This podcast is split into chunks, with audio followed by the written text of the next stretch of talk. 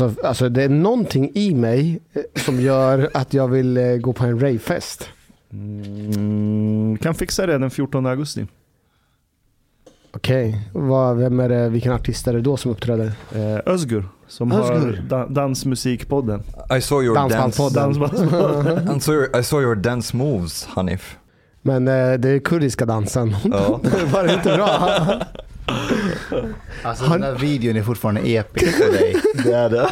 Där Gian står och dansar lite så full, halvsexigt och så kommer han. Det är så jävla roligt alltså. Fan, det var, coming from far away as well. Alltså, det, det, ja men det ser ut som att han? han, har varit, han han har varit på en liten resa och nu är han på väg tillbaka. alltså den kvällen var episk. Ja det var det. Det var så jävla roligt. Fan jag måste sluta festa nu alltså.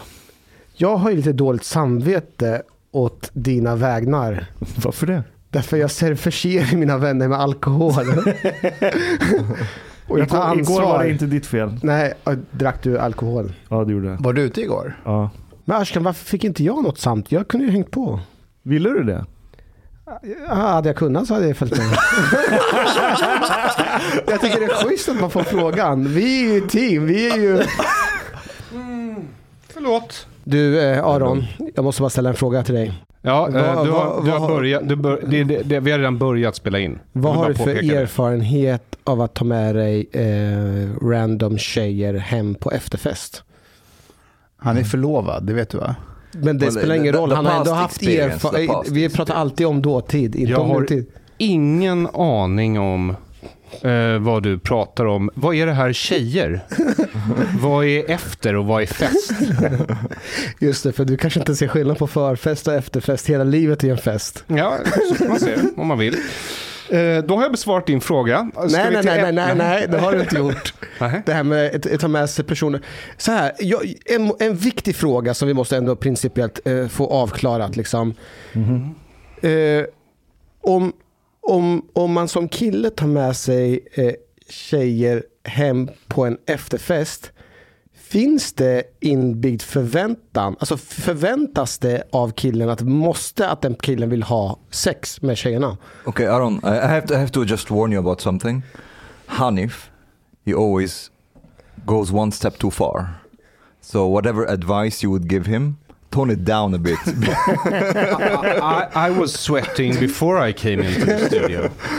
Uh, so, Gestapo, what was it you wanted to ask specifically? expectations on us guys. Ja, men Ja, alltså, men ta det på svenska nu. Aha, okej. så här är det, eh, och det här måste du förstå, att tjejer har aldrig fått lära sig att ta ett nej. Exakt. Det där hördes inte. Det ingår inte i deras uppfostran Nej, det gör inte det. på grund av könsproblematiken. Och framförallt inte kopplat till någonting som har med sex att göra.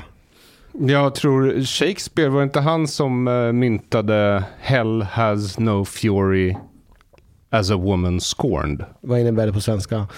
Eh, helvetets raseri är inget mot en eh, kvinna som fått ett nej. he also he also was the one who uh, who said who, who said about wine that it provokes a desire but it takes away the performance. So Vad innebär det på svenska? Hmm. Vad sa du? Vad vill du på svenska? Man blir lite kåt, men man får inte upp den. mm. Mhm, Vinballe, Just det. fast på ett väldigt fint sätt. Vem myntade vinballe? Shakespeare. Shakespeare. Vad vad fin du är i håret Ashkan, tänker ni. Mhm. Vad är Jaha. din hemlighet? Ja, du har, du har Okej. volym, du har lite volym. Ja. Här är min hemlighet. Spons. Israelisk hårolja. Hej, vet du vem som säljer israeliska hårprodukter? Nej, vem då? Rissa. Är det sant? Och hon sa att jag skulle passa på att göra reklam för hennes eh, online-shop. Har hon en online-shop? Ja, och det är produkter getting direkt från Israel. Kan, kan hon Har ni ta- tagit in spons utan att jag vet om det? Nej, nej, nej, nej, nej. Det, här, det, här, det här gör jag av eh, egen vilja. Inte okej. av någon annans vilja. All right. Den här produkten Kan heter The One. den? Ja, den heter The One och den är gjord i Israel. Ska jag ringa upp Rissa? Nej, men skitsamma nu. Ta, vänta, Men Sen när har vi börjat anteckna? vänta nu. eh, Aron, lukta på den. Det, det luktar Israel. På tal om Israel. Ta, ta, visst luktar den gott? Man kan ha den i skägget också. Okej. Eh, vad bra. Vad är det i den då? Oljesaker. Ja. Är det Vill du så här- prova? Eh, kanske sen. Okej. Ja. Okej, på, tal om- Men jag behöver nog. Jag, jag, jag tar piken, jag förstår. på tal om Jag har Israel. väldigt frissigt hår. Ja. Ja, Mustafa, på tal om Israel. Okej, So, Aron. I Jag, want to. I Jag vill bara påpeka, jag har inte Wait, fått wait, wait. tal. I just Ja. want to tell you something first that I'm starting to notice. You are trying to control the conversation Yes. often and not letting it have a natural flow. Ja. Det stämmer inte. Hur som helst. På tal om Israel. Låt oss leka med tanken på att jag eh, är från eh, Libanon ja, och... Eh, men född 83. ja, men... Va? Så efter Ja. den israeliska Ja, invasionen. jag förstår. Fan, smart snubbe. Han, är fan smart. Det måste han nog göra. Låt oss le- leka med tanken på att jag är från Israel, jag bor i Sverige, jag jobbar som polis, jag har haft ett trevligt sommarprat. Om jag har skrivit en tweet där jag likställer Israel med cancer Isis och Hamas. och Isis och Hamas, Och Putin. kan det finnas någon slags förståelse om Israel har invaderat mitt land vid två tillfällen inom loppet av två år? Absolut. Absolut. Men får jag också säga en sak som är väldigt, väldigt eh, märklig här. Därför att eh, som jag förstår det så flydde väl Nadim efter den israeliska ockupationens var över. Ja. Ja, För att långt de, vänta, efter. de, de invaderade Nej, första stopp. 78 Ja, och andra gången okej, 82. men stopp. Men Libanon har präglats av inbördeskrig ett bra tag. Ja. Ja. Eh, hur kommer det sig att han aldrig eh, förbannar Libanon? Landet han flydde ifrån. Som har legat i krig hela hans liv. Vi kan helt ta ut Israel ur ekvationen. Det skulle fortfarande vara krig. Så Jag förstår din poäng. Jag tänker, jag tänker bara så här. Kan man kritisera staten Israel utan att vara antisemit? Det är klart man måste kunna göra det. det är klart. Okej, i hans fall, finns det något antisemitiskt där? Det tror jag. Varför? Varför? Eh, därför att han likställer eh, Mellanösterns enda demokrati med mänsklig cancer, Isis och Hamas. I Mellanöstern är det också väldigt, väldigt vanligt med konspirationsteorier som påstår då att Israel ska stå bakom både Isis och Hamas. Eh, som att de eh, strömningarna inte fanns i de här samhällena innan Israel, eller utan Israels förskyllan. Liksom. But but but still cannot be. Ca- If we do a charitable interpretation of what he said, can't we say that maybe he means the Israeli regime or uh, politics in Israel Det är instead of det. Israel as people? We don't know, he didn't specify did he? Nej, men jag... I know, jag but I mean, nej, men and så här, this could is, be uh, that but, but this is uh, like, uh, I, I know what this guy's politics are. Ta det på svenska. Vad, Alltså, eh, jag vet vad för politik som Nadim Ghezaleh har. vad är det då? Nej men, ja men ska vi grovt generalisera så verkar han ju vara eh, lite sossig, liten del av det här eh, regnbågskoalitionen då av eh, nytotalitära.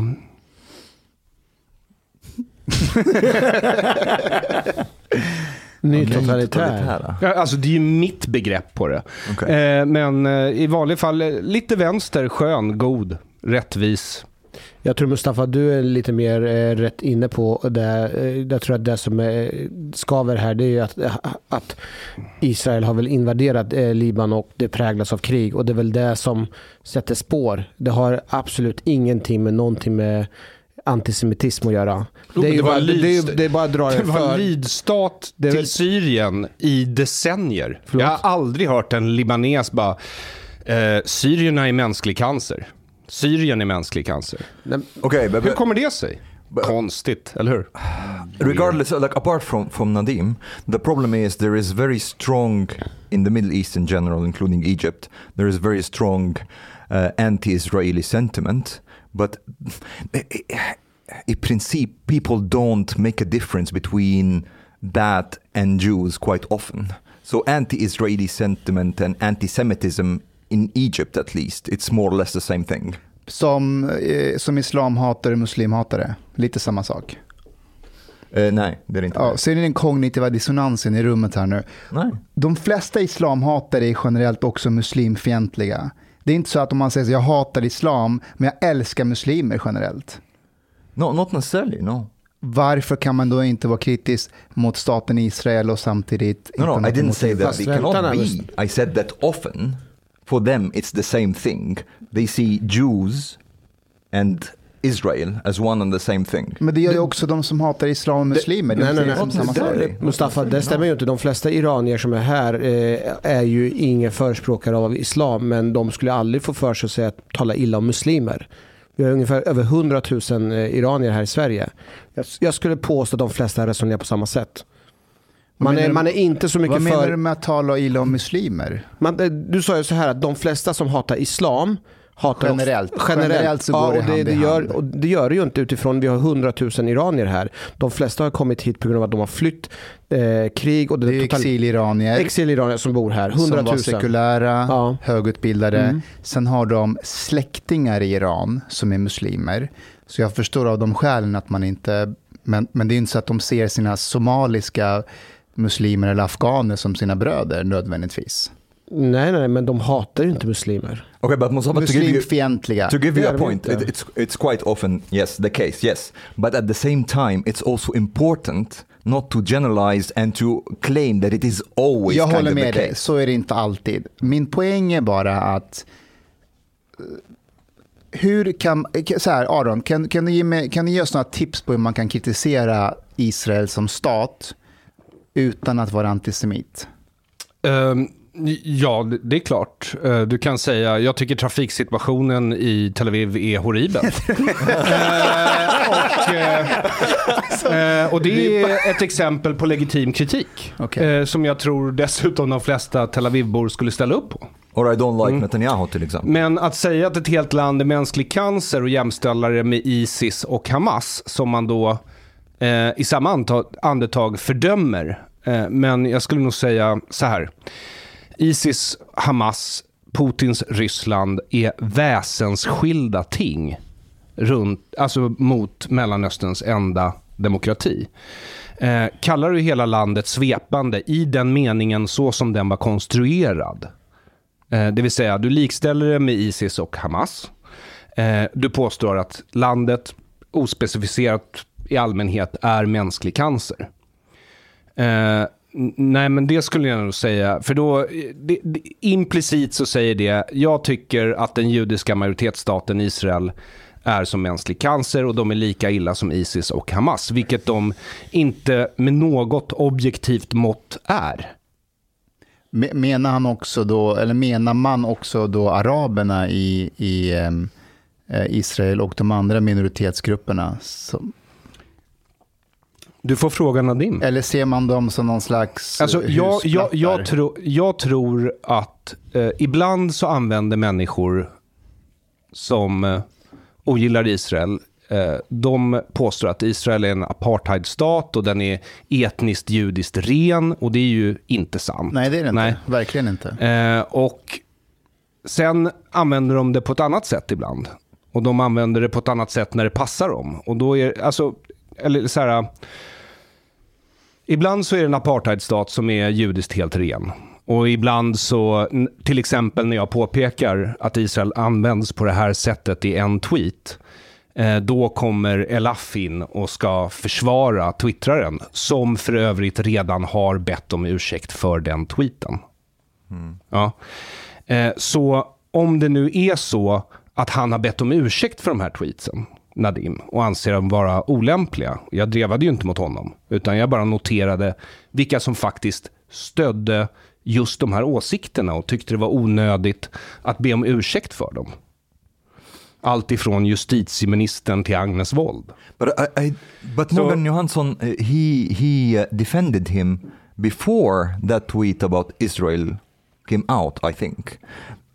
I think Men- so because because there's like it- they came out in waves. So there was first like mostly things about SD, basically, and then he went out and defended him, and then later on the tweet about Israel came out. I think maybe I'm naive, but I think he would have had more difficulty to defend think Nadim so. in this case. You're super naive. I think so? It's I think- adorable. It's adorable. But, it becomes you. But but but don't you think that they still have at least some some problems with the with openly and explicitly saying that Israel is cancer? Not really. Man, man kan göra ett enkelt experiment. Eh, Ett, eh, skulle någon annan kunna säga exakt samma sak och komma undan med det? Jag kan räkna upp rätt många som skulle få så jävla mycket skit av att skriva det. Typ om Hanif Bali hade skrivit så. Han Alltså, hade blivit, Eller rektor Hamid. eller rektor Hamid.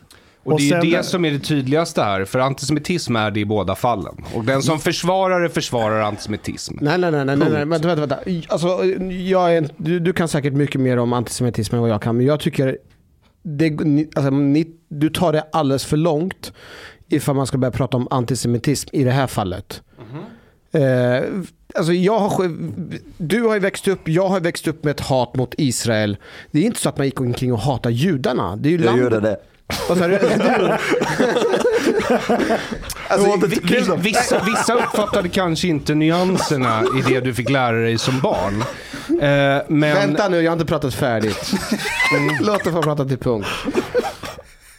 Jag, jag har träffat, jag har träffat eh, Nadim eh, flertal gånger. Han har bett om ursäkt för det och han, när han har fått frågan kring hur han tänkte, vad han tänkte just specifikt kopplat till det här, så svarar han ju att det är staten Israel har angripit eh, eh, Libanon vid flera till, tillfällen och det finns en känslomässig koppling där. Han har, I sitt minne så har han krig och sådana grejer. Föräldrar Han har eller flytt släkt- från Libanon. Men vänta, Han- vänta. Aron, han kan ju ha haft släktingar som blivit dödade under invasionen. Ja. Ober, ob, alltså så här, Absolut. oberoende, så här, jag har ju hatat, eh, när jag var yngre så, så lärde jag mig att hata USA.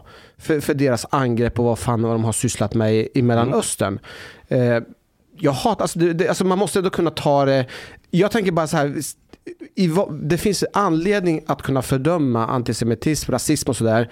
Men i det här fallet, alltså, vi stretchar det för långt och det blir inte trovärdigt. Någonstans. Ja, men han verkade stolt i sitt sommarprat över att komma från Libanon. Ett land som han flydde ifrån. Därför att det är ständigt krig där, men han fördömer inte det. Och kallar inte det landet för mänsklig cancer. Får jag- får jag- och jämställer det med. Hamas och Isis. Får- han, nej, men, nej, Nej, men nej. Aron, Aron, det är inte Ja. försvar. Jag säger bara så här, kolla.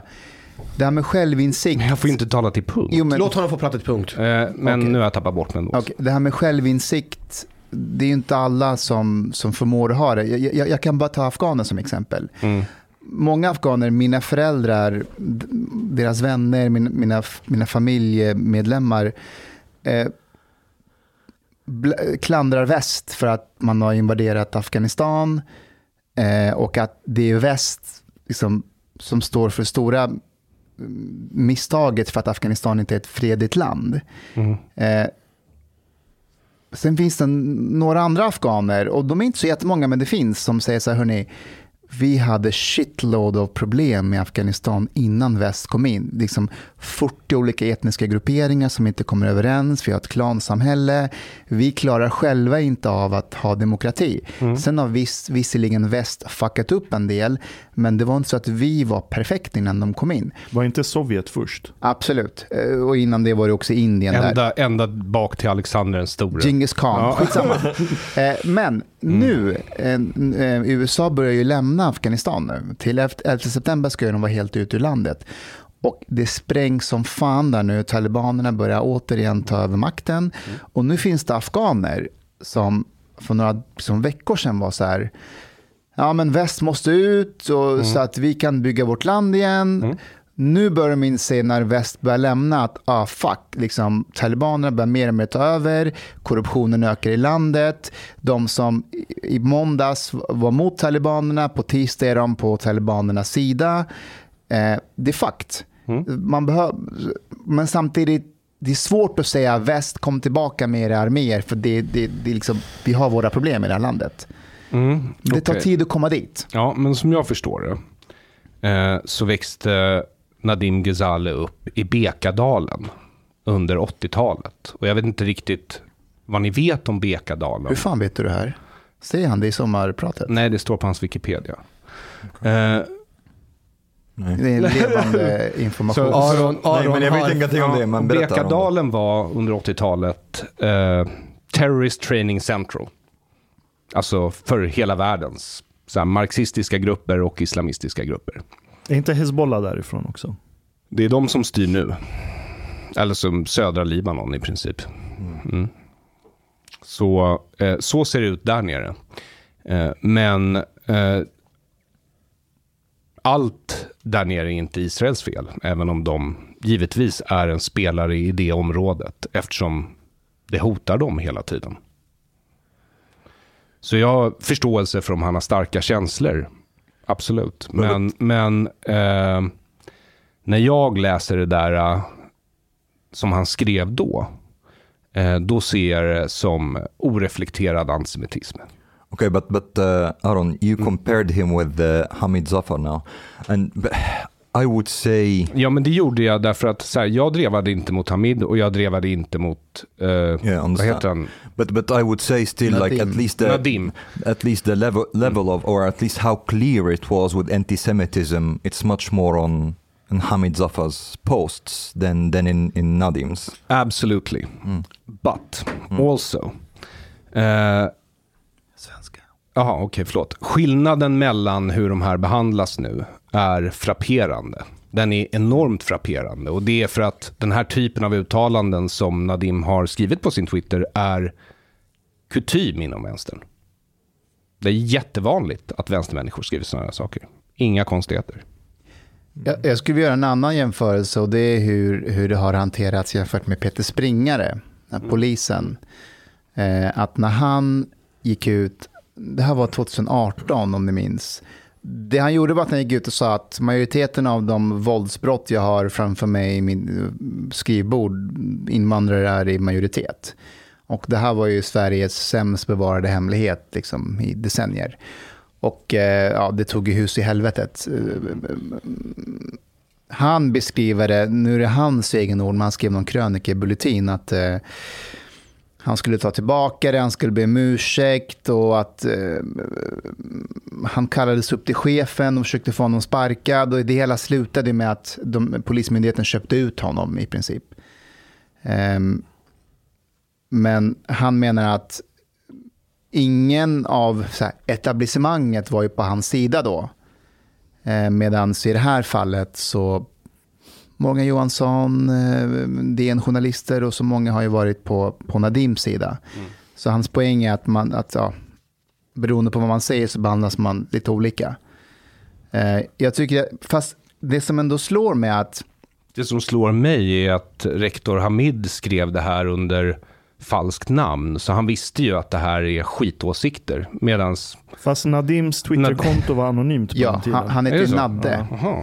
Eh, han hade också en anonym konto. Han, han gick själv ut och sa att han var anonym. Men alltså, jag har pratat med Nadim. Han, eh, det här är länge sedan. Han ångrar sig. Han står inte för de åsikterna. Ja.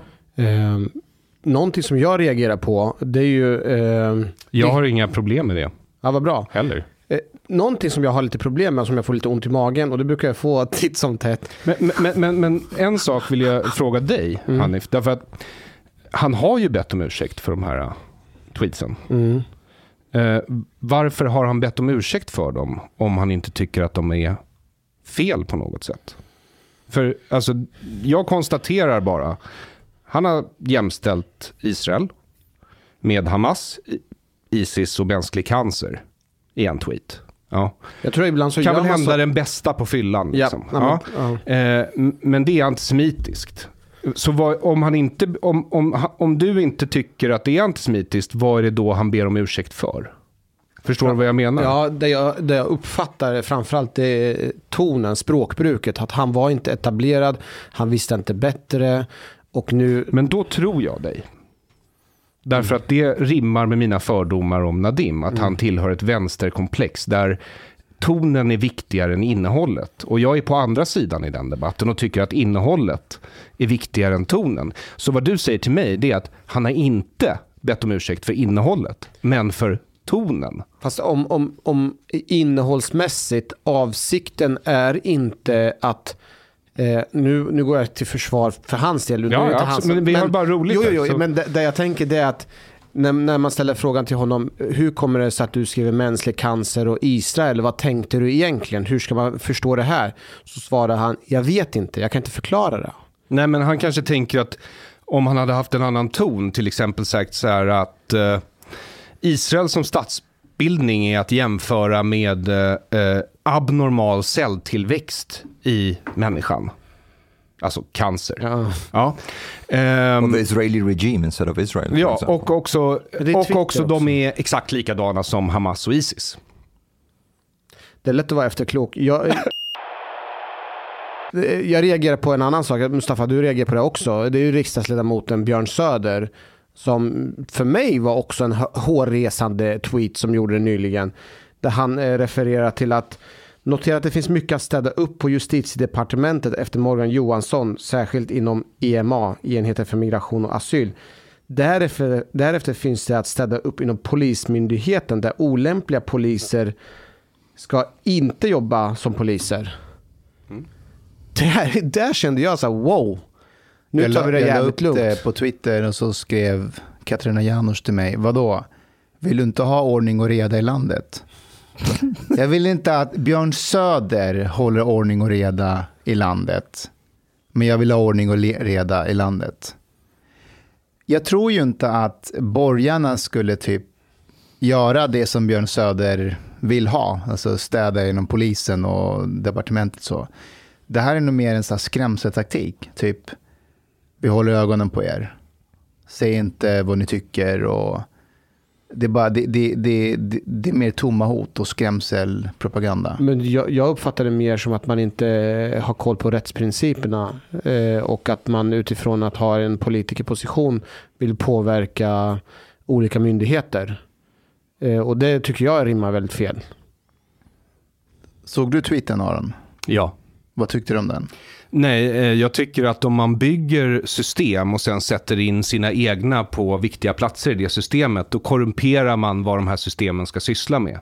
Så för mig är det väldigt svårt att avgöra idag om inte polisen kanske, precis som många andra myndigheter, är lite för vänsterlutande. Eller jag vet inte. Men. Jag, jag är inte emot att poliser ska få säga vad de tycker, oavsett vad de tycker. Men när man är polis, då kanske man är det för att man tycker att polismyndighetens uppgift är viktigare än ens eventuella politik. Alltså, n- när du säger att polismyndigheten är vänsterorienterad. Nej, nej, Eller? nej, jag säger bara att på viss, alltså så här, det går ju att använda sin utnämningsmakt och det, det kan ju vara så att det finns nätverk som bara hjälper varandra inom svensk statsförvaltning, för sånt uppstår överallt på hela jorden. Och eh, eh, det är ju så här att till exempel om jag säger lägg ner public service, då är det för att jag principiellt är emot ett public service. Jag tycker inte staten ska ha den här typen av megafon. Att kunna liksom styra och ställa över. Och nu är de nervösa liksom för public service. Därför att de, men tänk vad händer om SD får makten och sen så sätter de in en massa eh, av sina sympatisörer i styrelsen för public service-bolagen. Okej, men, aha, men vilka sitter där nu då? Det är ju typ Jan Helin som sitter där nu. Så för mig är det bara, det är principiellt fel med public service därför att det är ett indoktrineringsorgan och det ska lägga ner. Jag skiter i vem som har makten därför att alla som har makten missbrukar det. Och eh, jag kan tänka mig att det här går igenom myndighet efter myndighet i Sverige. Att de politiseras. Och de som sitter vid makten ser till att ha människor som är lojala med dem på Så viktiga poster. Det tror jag också. Det var en kollega till mig som sa så här, just nu så verkar det som om politikerna dikterar för oss poliser för vad vi bör säga och inte säga och kommunicera ut. Det borde egentligen vara tvärtom. Det vill säga att det är vi poliser som kommunicerar ut vad, vad som händer och politikerna ska rätta sig efter vad vi ser. Men i, idag är det tvärtom. Eh, ett exempel på det är till exempel om du går tillbaka nu eh, hur, ja, nej nu är jag på djupt vatten, de exempel kan inte jag ta för jag kan inte backa upp det. Jag har då några grejer men jag, jag tar inte upp det här. Men, men uttalande som, som eh, polischefer har gjort som inte är helt sanna. Vi tar dem vid ett annat tillfälle. Det är lite Vi tar ett känsligt. annat avsnitt. Ja. Jaha, Okej. Ja. Eh, ja, som vanligt ett nöje att vara här grabbar. Högt och lågt och Jag kan väldigt inte outa förvirrande. mina misstag som mina chefer har gjort. De har gjort så mycket, jag vill inte få kicken innan. Nej, men Finns du, det inte en ja. ironi dock i att han, eh, Björn Söder säger att man ska städa upp i polismyndigheten och hänvisar till Nadim antar jag då. För Mm, saker han har Ja. sagt för eh, många år sedan, eller ett visst antal år sedan, eh, som han nu tar avstånd ifrån. Säger Nej, bara där- tonen. Vad sa du? Bara tonen. Ja, men om vi leker med tanken att han tar avstånd från det, Ja. i och med att han har bett om ursäkt. Är inte det ironiskt att partiet som har färskast nazisthistoria, som gång på gång idag säger att liksom det där är gammalt, vi har kommit förbi det där, vi är ett nytt parti nu. Att en representant från det partiet säger att man ska städa undan en person för någonting den har sagt för 5-6 år sedan. Well, eh, I see your point, but I don't really agree because there's a difference between like he, he is talking about a person himself that he that said that, not about the history of a movement. So, for example, maybe he would not be as much in, in standing up for something, or like maybe not beyond, but it wouldn't be the same thing as someone decades ago that not you said that. Men Mustafa har ju varit polis och eh, har väl haft problem med Polismyndigheten för vad du har velat säga. Nej, inte nödvändigtvis så. Kanske inte Peter Springare-nivå, men, men du fick inte ha uniform på dig när du skulle föreläsa och så vidare och så forth. Det var mer byråkratin än att jag skulle säga onödiga saker. Men, men, Mm. Okej, men, men det är lustigt hur byråkratin alltid slår åt ett visst håll. Visserligen, Ja. men om jag hade fortsatt föreläsa i polisuniform och pratat om värderingsfrågor, Mm. då hade nog mm, en chef viskat i mitt öra att du, tar det lite lugnt nu. Behöver inte gå så djupt in i... Mm, men beror det på att värderingsfrågor inte ska diskuteras överhuvudtaget eller på grund av de värderingar du har? Det, det, nej, det är mer att om jag skulle på föreläsningar prata om värderingsfrågor mellan Af Afghanistan och Sverige, om jämställdhet och synen på homosexualitet så, eh, om det sen skulle kopplas ihop med polismyndigheten, att, jag, att polismyndigheten pekar ut specifikt afghaner för att ha problematiska värderingar, det vill inte polismyndigheten förknippas med.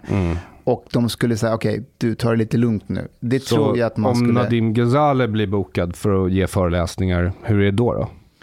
Det vet jag inte. Alltså, det beror på vad han pratar om. Nej, men det är bara lustigt det här att det verkar som att eh, olika människor, beroende på vilket politiskt läger de uppfattar sig tillhöra, ska behandlas så här extremt olika. But- but- som vi ser just nu på Twitter de senaste dagarna. But Mustafa, is there like some kind of time aspect in it as well? Do you think that it would have been much or like somewhat easier for you to do that today than Ja. back then? Ja, därför att jag var ju liksom rätt först med att börja föreläsa på det sättet under 2015-16. Mm. Det var ingen som gjorde det. och eh, Så jag kommer bara, ja men jag vill göra det här och det, var ingen, det fanns inget annat exempel. Sen när jag slutade och gjorde det själv, då började ju fler.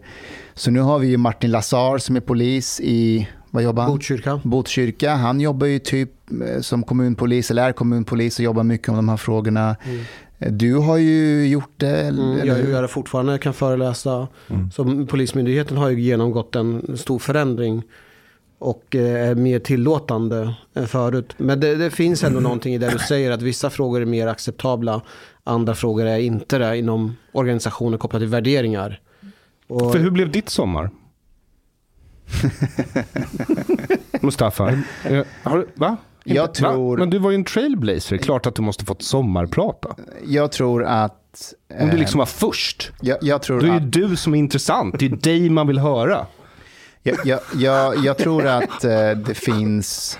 ett inslag när du var med i Agenda där du sa att det finns andra som säger att man ska bestraffa hela släkten. Och där försvann Mustafa ur Jag rampljuset. pratade om Fast du sa, kollektiv du sa det, är, bestraffning. det är afghanpojkarna som säger så. Ja, precis. Och att man ska kunna tänka tanken. Jag tror att för att kunna få släppas in i den värmen och kanske få sommarprata så ska man vara lite, lite kaxig men inte för kaxig. Lite exotisk men inte för exotisk. Och man ska inte ha en podd med Chang Frick sista måltiden och bjuda in Aron Flam två Nej, tillfällen. men de kunde ju gett dig sommarpratet strax efter att du skrev den där boken med Jens Ganman. Jens Ganman ska man inte skriva en bok tillsammans med Nej. heller. Men du Aron, din hycklare, du Ja. har typ sommarpratat din jävel. Du var med Alexander det, det. Bards sommarprat. Men han orkade inte skriva manus. eh, och, eh, och jag eh, får honom alltid att prata. Alltså därför att han vill överrösta mig, vilket han alltid lyckas med. Så jag fick vara bollplank och sen så klippte de mig så att jag skulle framstå så dåligt som möjligt och han så bra som möjligt. Det var innan han var bränd i och för sig va? Det här var innan han var Ja. bränd. Ja, Inga, innan fler, inga fler sommar för Nej. Alexander. But but I, I want to say this this thing about the police that maybe they are much more willing to let policemen like give lectures and so on right now. This is interesting because to me this reflects some kind of a shift in culture, not necessarily a bureaucratic shift, but more a shift in like the culture of the the culture of Sweden somewhat. Uh, there are a lot of things that a few years ago were totally unacceptable to say, and now everybody is like taking them as kind of like you know given fact. And I- I'm a bit I'm a bit worried that things move a bit too fast. Ja. a bit too fast. Jag vet precis vad du Ja. menar. Alltså när, när jag läser typ min första text jag skrev för Dagens Samhälle, då var det rubriken “Våga prata om svenska normer”. och, och den fick en jäkla stort genomslag. Jag fick så många meddelanden av så här, svenskar runt om i landet som var det här är precis vad vi behöver. Alltså, om jag hade skrivit den nu, idag, våga prata om svenska normer, vad är det för jävla PK? den hade inte gått hem någonstans, den hade knappt publicerats. Men but but but you know this also a bit a bit scary because there seems to be the zeitgeist of Swedes because of because of this consensus culture gets uniform pretty quickly, hmm. and it, it moves at a, at a very fast pace, and I'm a bit worried about because they can tend to be they can tend to be rational sometimes but also sometimes very irrational and somewhat dogmatic. So i'm a bit worried what would happen when they have had enough. Så jag tror vi är, vi är en skottlossning på Strandvägen ifrån att Socialdemokraterna ska bara copy-pasta SDs partiprogram. Full force, alla kommer anpassa sig efter ledet och så är det inget mer med det. För så har vi alltid tyckt. Just det, kommer ni ihåg förra avsnittet? Då pratade vi om, eh, om sossarnas olika förslag i den här programmet, partiprogrammet, 35, pu- 34 punkter. Just det. Och en av punkterna var ju just att vid eh, grov brottslighet, om man är ung vid grov eh, brottslighet, om man har begått ett brott och går ytterligare brott, då ska de ju slopa eh, straffrabatten. Och det kom ju nu, redan nu eh, kom ju förslaget. Igår. Igår. hade de en presskonferens. Alltså, det, det kommer ju ske. Det är bara det att sossarna copy-pastar långsamt. Exakt. Arbetar sig, och sen så lyckas de urholka allting. Alltså för sossarna var ju liksom nationalistiska arbetare och socialistiska arbetare i ett. Och nu är de två. Men, så det kommer ju. Men frågan är om, de inte, alltså om det inte kommer vara så att SD får en chans först. Did you read that uh, post of uh, Nima Dervish on Facebook? He he had a He started writing again. yes, and he had this um, this post, which was somewhat interesting. Um, he was say uh, it's an open letter to immigrant debattörer. Typ till oss. Och No, Nadim. more more like he he he was mostly focusing on Ilaf Ali and, and Nadim Azala, that they should not like how to say Inte like pissa på Ja, piss, pissa på svenskarna för mycket. Because there is a breaking point and he's saying that maybe that breaking point is near. And uh, I'm, I'm like kind of like uh, rephrasing what he was uh, writing. And that um, that maybe Swedes have thought like, okay, mm, Islamistar or Hijabistar and so on, they are they don't like us. But at least we have those like more uh, lagom invandrare like Nadim and Ilaf and so on on our side. Men tänk om de också hatar oss. Uh, and he was saying something that I reflected on a bit that mm, to quote him now, he said uh, or he wrote, jag är faktiskt lite förvånad som lättad över att vi inte har drabbats av fler lasarmän i Sverige. hade sakerna som hänt i Sverige begåtts i våra hemländer av någon minoritet hade gatorna färgats av blod. And that I, I had said several times about Egypt for example. Egyptians would not have taken this from any minority. Ja, vad fan, de plockade in två kineser som grillade. but, but isn't it true also that Egypt, alltså att Egypten, förlåt, att Egypten har ett väldigt bra eh, minoritetskaxighetsförebyggande program där de i förväg attackerar alla minoriteter så att de inte ska bli kaxiga. I we had we had like I know, but, but we had like I remember like about 10 years ago or something. We had uh, uh, refugees from uh, from Ethiopia or some some African land in the south, and who came and they were just on the street and, and uh, sleeping on the streets and stuff. They were not like asking anything of the state. Or I think maybe they started to ask for something. Then the police just like went in and just massacred them. Not necessarily killed them, but uh, they beat the shit out of them. Um, Hunted them all over Sinai to, I- yes. to Israel. Ye- För att gå tillbaka till det där- Actually yes, I think so. South Eh, of Tel Aviv, uh, there's a big black community now, African. mm. Not necessarily Jewish African. För att gå tillbaka till inlägget eh, om att inte pissa på svenskarna med vita privilegier och rasism och sådär för att det kommer komma en breaking point. För att problematisera det lite, du får samtidigt pissa på svenskarna på andra sätt. Du får säga att svenskar är hycklare som påstår gilla mångkultur fast de vill inte ha det på sin bakgård. Du får pissa på svenskarna och säga att de godhetssignalerar signalerar fast egentligen står de inte bakom det. Eh, det gillar ju de svenskar som hatar de andra svenskarna. Förstår ni vad jag menar? Ja, jag. Så du får pissa på svenskarna men på ett sätt så att det går hem hos de andra svenskarna. Ja, du får, du får pissa på det gamla etablissemanget Ja. hur mycket du vill.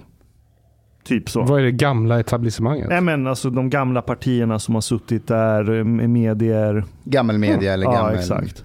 Men du kan inte gå emot eh, grundvärderingar som jämställdhet. Då är du körd. Nej, men jag tror bara det är olika regler för olika grupper. Hörni, fan vad gott det har varit med en kebabpizza nu. Fucking kebab! Vänta, Mustafa har planerat att han ska säga någonting. Mustafa, vad har du skrivit in? okej lyssna på det här. Det, här. det här. det här är faktiskt lite roligt. Men jag bedömer att vi har läget under kontroll och att det är stabilt. De uppgifter som vi har är att det har förekommit att eh, de blev hotade med rakblad, att eh, gisslan har begärt helikopter och eh, att de ville ha kebabpizza att. Kan du bekräfta de här uppgifterna? Jag, jag kan, vi har inga uppgifter silence. om eh, vapen än så länge. Eh, däremot kan jag bekräfta att eh, man, man begärde vissa saker i utbyte mot Det med att eh, eh, vi har delat ut pizza.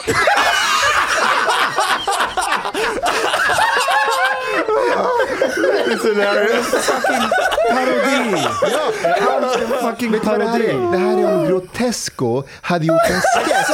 Ja! Vad, är det för någonting då? Nej, men det är aktuellt. Det är polisens talesperson som pratar med reportern. We live in a simulation. Har du missat det här? Ja, jag, jag, I have a vacation state of mind. Jag sa det.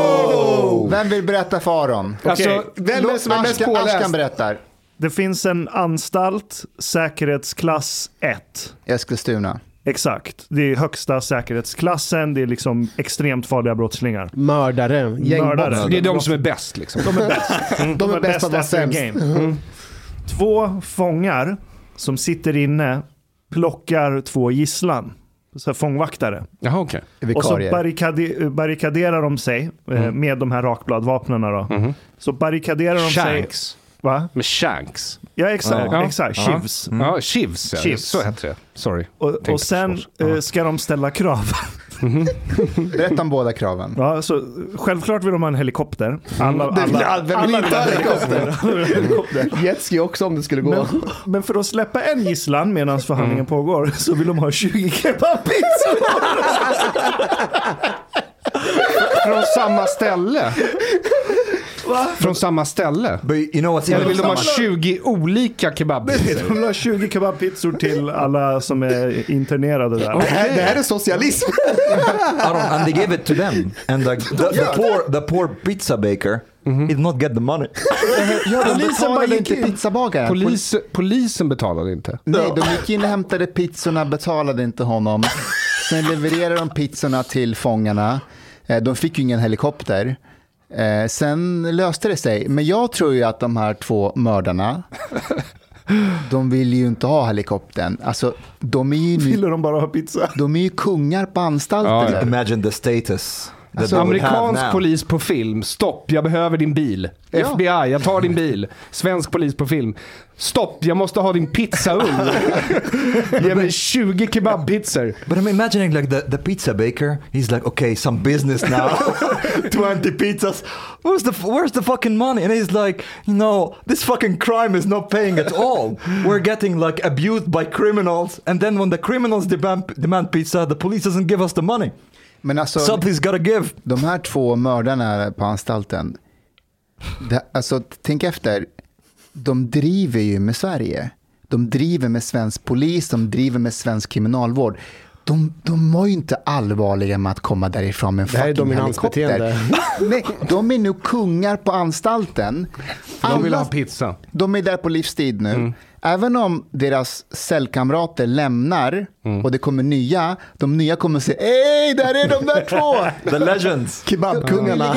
De, de har fått betalt nu såg jag. jag, för jag. Jag skulle vilja ringa pizzerian annars. Jag har ringt honom hela dagen, han Ja, svarar inte. Ja, okej. Vi, vi var ju sista... Fler som kom på den idén skulle jag tro. Ja, men vi var ju beredda att skänka eh, pengarna Inte till vi, pizzerian. Mustafa ville skänka pengar. I saw that Kriminalvården on, on Twitter have like written a tweet just about that, that they have paid now. this is like, this, I'm starting to really think that this is a simulation. Fast, fast om, om man får, eh, så här, vi kan ju driva om att de har fixat kebabpizza och sånt där. Men, men föreställ dig om det var Mustafa, din pappa, som var liksom kidnappad. Det är klart att man skulle betala med pizzor. Alltså, alltså när man har en gisslansituation, det viktigaste, nu bara leker jag liksom som att jag kan, jag kan inte riktigt den här frågan. Men det viktigaste är att frita gisslan. Du kan ju inte ha gisslan för de kan ju skadas och de kan ju dö i värsta fall. Så man gör ju det mesta man kan för att frita gisslan. Sen så ska ju de där andra straffas. Föreställ dig om det var dina barn eller föräldrar som var gisslantagna. Men det är klart att de, det var bra att de gav dem pizzorna. Alltså, Så du, du tycker att det var bra? Ja, herregud. Vad fan, om, om de vill ha 20 kebabpizzor, det är klart de ska ha kebab, kebabpizzorna. But what, what would happen like i- instead of pizza, they kind of like, Romlöspizza. no, they kind of like, they wanted to have a sex worker. For example. Hur, se, se det här jag menar. Han fick det hand om sex igen. Yeah. Det går inte ett avsnitt innan, utan att du kommer in på sex. Let me be. Har du... Let me be. What's your problem with that? Hur mycket you're a sex har du i you're a huvudet? conservative Taliban. Nej, Who doesn't like to talk about du är, sex? du, du är en sexmissbrukare. Va? Varför? No, he's just from a, han har inte vuxit upp här så han är inte liksom eh, jämställdhetsintegrerad än. Men du och jag är, eller hur? När kände du senast lust för en kvinna? Det har väl inte hänt på många år? Nej, men jag håller det för mig själv. Varför? Hur lyckas du komma in varje gång? Uh, okay, this this is interesting. Nej, what's, det, your det, är sen- det, det, okej. what's your sensitivity about this issue? Det är inte sensitivity, det är att What, what is it? jag är bara fascinerad. Jag, jag förstår ju var du kommer ifrån. Alltså bokstavligen. Ja, Arabien. ja, exakt. Nej, det är bara intressant. Men, det där, men fan, om de hade bett om en sexworker, vad hade hänt? Men alltså de kunde be en sån här massage, vad hette den här massagen? Jo, Joni-massage. Joni-massage. Lingam, lingam om det är för Jag, män. jag, jag älskar att Aron inte har följt med gisslandramat. Det, det, det, det har du följt. Jag har människor i mitt liv som håller mig ajour med vad som verkligen är viktigt. och eh, ja. Och där var det också eh, frapperande hyckleri. Ja, du menar Ja. att de hittade loophole i... Är väl sexköp. Loophole? Det, här, Det är nej, det, är, det är klart att det är prostitution. Men det är en bra prostitution, det är andra sidan. Det... Exakt. Olika Tänk- regler för olika människor. Tänk om de på riktigt ville, alltså, ville ha en helikopter. Alltså, jag, tänk om de ringde. Bara, vill ha helikopter? Och de bara, ja men... eh, Vem ska köra den? Han bara, Abdi, du kan köra va? Nej, det var tyst. "Eh, Vi vill ha pizzor. 20 stycken pizza. Det ska ju vara en stor helikopter om de ska flyga därifrån med pizzorna. But guys, did you see this? Uh, what, what's her face? Lina Lina Stenberg from uh, Aftonbladet. The Li- one who. Lina Stenberg är journalisten som eh, publicerade en artikel om sista måltiden med oss i Paolo i samma bild, där alla Hanifs är i samma bild. Det är Lina Stenberg. So, so she's just like wrote a tweet today. Fast nu får väl Liberalerna bestämma sig. Antingen är man för SD och Breivik, eller så är man inte. Vad är bakgrunden till det där texten? Jo, men eh, About- Robert Hanna eh, la upp en Och vi som tweet. bara är för Brevik. Hur är det med oss egentligen? Vad tycker Alltså det verkar som att sossarna har bestämt sig för sin strategi inför nästa val. Och det är att full som bananas på samma taktik som man har haft i många år nu, 2014 och 2010 också. Att, så här, smutskastning i princip. De har inte Eh, lärt sig någonting. Nej, men det, är en, jag tror att det är värre än så. Det, det är att man har inga egna idéer. Så då ska man köra på smutskastningen. Och att man går ut och anklagar liksom, Nyamko och Robert Hanna som har i många år pratat om IS och extremism och allt det där. Att säga att så, här, men, ni får bestämma er, är ni för eh, Breivik eh, och SD eller inte? Alltså, det började med att Liberalerna gick ut på Twitter och sa att idag är minnesdagen för Utöja och det där och att våra tankar går till familjerna och att låt oss, det här, låt oss eh, ta det som en påminnelse om att aldrig gå hög, eller extremismen i, till följes eller någonting. Och under den eh, tweeten gick det bananas. Annika Strandhäll, Annika Strandhäll, Ja. eh, Aftonbladets ledarsida. I, idag var det, så här, Twitter är ju en mörk plattform allmänhet, men idag var det fucking mörkt. Mm. Under semestern nu så eh, läser jag bara Twitter när jag är på toaletten. Eh, därför att då, det passar på något sätt. Och eh, jag såg det där som Annika Strandhäll ja, skrev. det. Mm. Mm. Och det är roligt, tänkte jag, hur många vänstermänniskor som idag skriver saker som politisera inte Utöja och rösta inte på SD. För då blir det som på Utöja. Så, mm. Nor they, at least they, were, they are for politicizing Utöja, men, men inte till exempel Flemingsberg. The, the children that were shot, for example. There, there it's like Chang something... skrev väldigt bra om det på eh, sin tidning idag, såg ni det? Ja, berätta. Ska vi ringa honom istället så får han berätta själv? Ja, ja, Ja. absolut. Fan, jag måste bara berätta att eh, Chang har varit borta nästan i två, tre veckor. Mm. Och hur mycket bättre har den här podden blivit? Det har blivit, alltså jag tycker det är skönt för det känns som om jag, jag får vara mig själv mycket mer. Och jag har inte blivit hånad och häcklad. Jag är rädd för att när han kommer komma tillbaka så kommer han gå bananas på mig. Det känns som att jag har fått lite utrymme att prata lite mer än vanligt. Och sen så har jag inte fått, han har ju inte sagt så mycket sjuka grejer. Han har ju faktiskt varit väldigt nyanserad när vi har pratat med honom i telefon. Han har blivit en helt annan Chang. Det är för att, Ja, var, han var lite annorlunda när jag pratade med honom häromdagen det är faktiskt. för att varje gång han ringer så är hans fru i närheten. Ah, okej.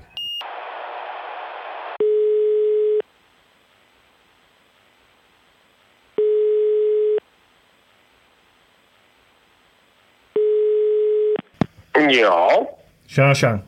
Vi, Hej Chang! tja. vi sitter och spelar in. Vi har Aron här med oss. Eh, Aron eh, Flam. Flam, Aron Flam ja. Precis. Vi, vi snackade om din text som du skrev idag.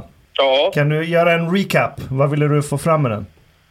vänster och politiker och den samhällsklass som lever på att vara förlängd arm åt makt slash etablissemang drar på full bredsida när det pratas om eh, Utöja.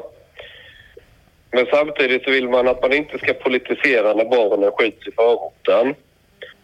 Och jag menar att det finns en klassmässig förklaring och det är att när vi pratar Utöja så är det ju typ deras egna barn så att säga, rent klassmässigt. Medan förorten, den är helt, det är liksom inget, det är inte deras unga, det är ingenting som drabbar dem eller någon de känner eller umgås med eller identifierar sig med. Och därför pratar man inte om, det var någon som på Twitter som skrev att i Sverige så sker i princip ett Utöja varje år. Om man tittar på antalet människor som skjuts ihjäl i, i förorter. Där, där majoriteten ändå är ungdomar. Men det får ju inte alls denna indignation, upprördhet, krafttag eller på något sätt från den etablerade vänstern eller vad vi ska kalla det. Som du får när man pratar om, eh, ja, ja bokstavligen deras egna ungar sköts Men vad, vad, vad, vad skulle de förlora då? Den här klassen? Om- Är det transferiatet du kallar dem? Etablissemangsklassen? Ja, jag vet inte om transferiatet är helt rätt ord heller, men det är det bästa jag kan komma på. I, Sovjet så kallade man det nomenklatura. Just det. Eh, men, men liksom människor som lever av att, vad ska man säga, vara politiskt korrekta, vara mitt i fiskstimmet, liksom hela tiden ajour med vad, vad är det senaste, liksom, ja, Va, vad, skulle de förlora, vad, vad skulle svenska nomenklaturan, om vi ska använda den termen, vad skulle de förlora på att politisera barn som skjuts i förorterna? Vad, vad skulle de förlora skulle på det? för... Nej, ja, alltså det de, det de förlorar, det är...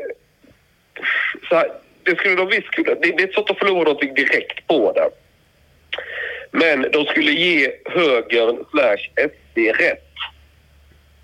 Och Så man kan inte ge högern SD rätt om man ska behålla det jobbet man har för dagen. Eh, och så vidare. Eh, det ena delen. Och den andra delen är att de upprör sig på ett helt annat sätt när det eh, vita medelklassbarn som skjuts. För då är det liksom deras egna ungar. Är ni med? Ja. Det, det, och och då, då, då blir det på riktigt för dem. När, när det skjuts ihjäl i förorten, ja det är ju tragiskt och så, men det är liksom... eh, ja, det, det, det är ju inte så att de tänker att oj, det där kunde vara min unge. Alltså den skriande skillnaden det är ju att Breivik var en person och hade ett politiskt manifest. Så det var ju ett pol- politiskt eh, terrordåd utan tvekan. Eh, men men eh, å andra sidan att man inte får politisera eh, när unga, väldigt unga, men ändå MUF-medlemmar blir skjutna i Flemingsberg. Eller vet vi inte om de var... det tror jag inte. Ja, okej. jo, man, man kan prata om att Bre- Breivik hade ett politiskt manifest, men men jag tycker inte det är så superrelevant eftersom hur långt ut på internets träskmark, politiska träskmarker du än letar. Hitt, alltså, jag har inte hittat en jävel där som tyckte att det Breivik gjorde var bra eller hyllade eller på något sätt backa upp och vill se mer av samma vara. Han, han är i princip helt jävla ensam om det. Vad befinner du dig i för filterbubbla egentligen? Ja, vilka människor har du hittat som, som hyllade Breivik? Ja, förutom men- eh, några jävla finniga tonåringar på Reddit som, som tycker eh, allt kalibalik Och kul. 4chan och sådär? Absolut. Eh, Men vänta, vänta. Eh, eh, Chang, Vad sa du? på 4chan till exempel och, och Flashback finns det också. Men skitsamma. Eh, så här, Eh, Ja, men det de är ute efter att provocera. Det, det är inte några... det är mycket möjligt. Eh, pol- Det är ingen politisk kraft som i akt och mening. Alltså, kom igen. Jag förstår, jag förstår. Men så här. Ja, Eh, skillnaden mellan det som händer i förorten och Utöja det är ju att Breivik hade ju en, en, en uttalad ideologi eh, och att du kan koppla den historiskt sett till olika högerextrema grupperingar. Eh, det, som händer i, Och ekologiska. Okej, det som händer i förorten det är ju lösa grupperingar utan någon ideologi som, som mördar, eller mördar barn. Barnen är ju inte heller, barnen är ju inte heller deras mål, utan det är ju tredje man som skadas. Så min fråga till dig är, ja jag hade att de, hade är, vi- de, är likgiltiga. Exakt, de är liknande. Så här, om de här grupperingarna i förorterna hade eh, mörd, om, om, de, om de var IS-anhängare säger vi, och så skjuter de på varandra eh, för att de andra är shia-muslimer och de är sunni och så dör också andra muslimska barn. Hade det varit lika tyst i nyheterna då? Oj. Du menar om Shia och Sunni börjar kriga i förorterna och så Precis. dör ett och annat? Ja, det skulle vara tyst. Ja, det, jag det, det, Va, tror ni? Ja. Absolut. Socialt utsatta områden, vi måste rusta upp fritidsgårdarna, Exakt. sociala Ja, det insatser. hade, ja, jag, Konflikterna i jag tror det hade kört, ja, förmodligen kört ner i det, det diket. Förmodligen. För att det, det, det är nog för svår, det, det är för svår materia tror jag för, för gemene tykonom att sätta sig in i. Vänta, vänta. Jag, jag tror så här. Med tanke på att på IS fortfarande är färsk i minnet. Om vi hade haft IS-anhängare i förorterna som, som dödade uh, unga shia-muslimska ungar. Det hade fan fått uppmärksamhet. Det hade varit något annat i media. Jag skulle koppla det här till Ja, men det, hedersbrottslighet. det, anledningen till att IS, alltså du kan inte jämföra, och det, det kommer vi till den poängen jag hade. IS och, och Breivik kan inte jämföras rakt av. Därför att när en IS-terrorist gör någonting, han är påhejad av jättemånga människor som stödjer honom på olika sätt. Breivik var en ensam, alltså han var bokstavligen fucking ensam i det han gjorde. Finns det någon kommunikation där han talar om för någon att du ska gå och skjuta ihjäl en massa ungar? Åh jättebra, jag håller på dig, jag ska be en bön för det att du lyckas. nej. Fast nej, nej, där Jag har du fel ä- Chang. ä- Eh, även- Chang, där har du fel för att man, man har ju sett att alla de här ensamvargarna som har agerat, de har ju aldrig varit ensamma utan de har ju haft en massa bakom sig. Just på de här eh, kanalerna, 4chan och... Like the guy Men in de New här Zealand. på What was 4chan, it de här, ja, men de, de, de här på 4chan Christchurch. allihopa, de sitter och trollar. De fattar ju inte att det är någon på allvar faktiskt kommer skjuta någon. För det du ser efterhand på 4chan det är att åh helvete, jag trodde inte de skulle göra det. Fan, vad har vi gjort? Du vet, och då, då, då, blir, de, då blir det liksom ångesten kommer över dem. För för dem var det bara en lek. Te- Men tittar du på de- islamistforum så är alla de hurrar och eh, eh, glädjerop och allting. Fan vad gött, nu dödade vi otrogna. Det är exakt samma grej som på Flashback. Det var en kille som hängde sig. Han skrev att de att de funderade på att ta livet av sig, bla bla bla. Och alla hejade på och höll på, för alla trodde att det var bara någon fejkare som höll på och skulle uppmärksamhet. Och sen så direktsände han när han hängde sig och så var det folk skitdåligt. Bara, fan. Vet, de fattade, för de var det bara en lek. Det, det, du kan inte, man, man ska inte... Eh, det, det är likadant om, någon invandrarkille skojar om IF och leker gangster så kan du inte knyta det till, till att säga att ungen är terrorist. Det är bara en unge som inte fattar bättre. Det är samma sak som de här idioterna som skulle eh, svansade runt SD och heilade i Skåne på 90-talet. Det var byfåna. De, de, de, de har ingen aning om vad nazismen egentligen handlade om. De ville bara vara tuffa och se häftiga ut. Och man måste göra de här distinktionerna mellan någon som de facto fattar vad de håller på med och någon som bara vill leka farlig eller söka uppmärksamhet. Det är två väldigt olika saker. Men Chang, med, med den logiken, Ja. har vi några riktiga inom citationstecken nazister i Sverige då? Ja, vi har både islamister och nazister. Det finns många som är ideologiskt övertygade nazister som verkligen läst in sig på ideologin och kan sin historia i hela skiten och tycker att det här är en bra grej. Ja, det finns. Likadant med islamister. Och långt ifrån alla är, är våldsbenägna. Många av dem eh, som jag skulle klassa som riktiga renrasiga eh, nazister eller så, de, de sitter i finare salonger. De hittar du liksom inte som skinnskallar på gatan som heilar. Alright Chang, vi tuggar vidare här. Eh, Chang, uppskattar att du var seriös för en gångs skull. ja, men eh, förresten, vi måste prata om en annan sak som är väldigt viktig. Okej. Eh, min, min tjej upptäckte eh, att man kunde få massage på hotellet här och då sa jag innan att, att Mustafa måste skicka sin tjej Ida på massage så någon eh, liksom, spännig, muskulös kille kan knåda in hennes kropp och skinkor med lite massageolja. För att det, det är hon ju värd. Eller vad tycker ni andra? Mustafa, Chang, tack för att du var med. Jag känner inte Ida, jag unnar henne inte något. Alright Chang, ha det bra. Vi hörs. Ja, gött. Hej. Hej, hej, hej, hej, hej. Hur går det med din bok Aron? Utmärkt. Fem minuter innan jag eh, kom in här fick jag veta att åklagaren kommer inte att överklaga till HD. Så det är över. Jag har vunnit och är enligt Svea hovrätt konstnär. Grattis igen! På riktigt. Vad fan, så jag köpte din litografi i onödan.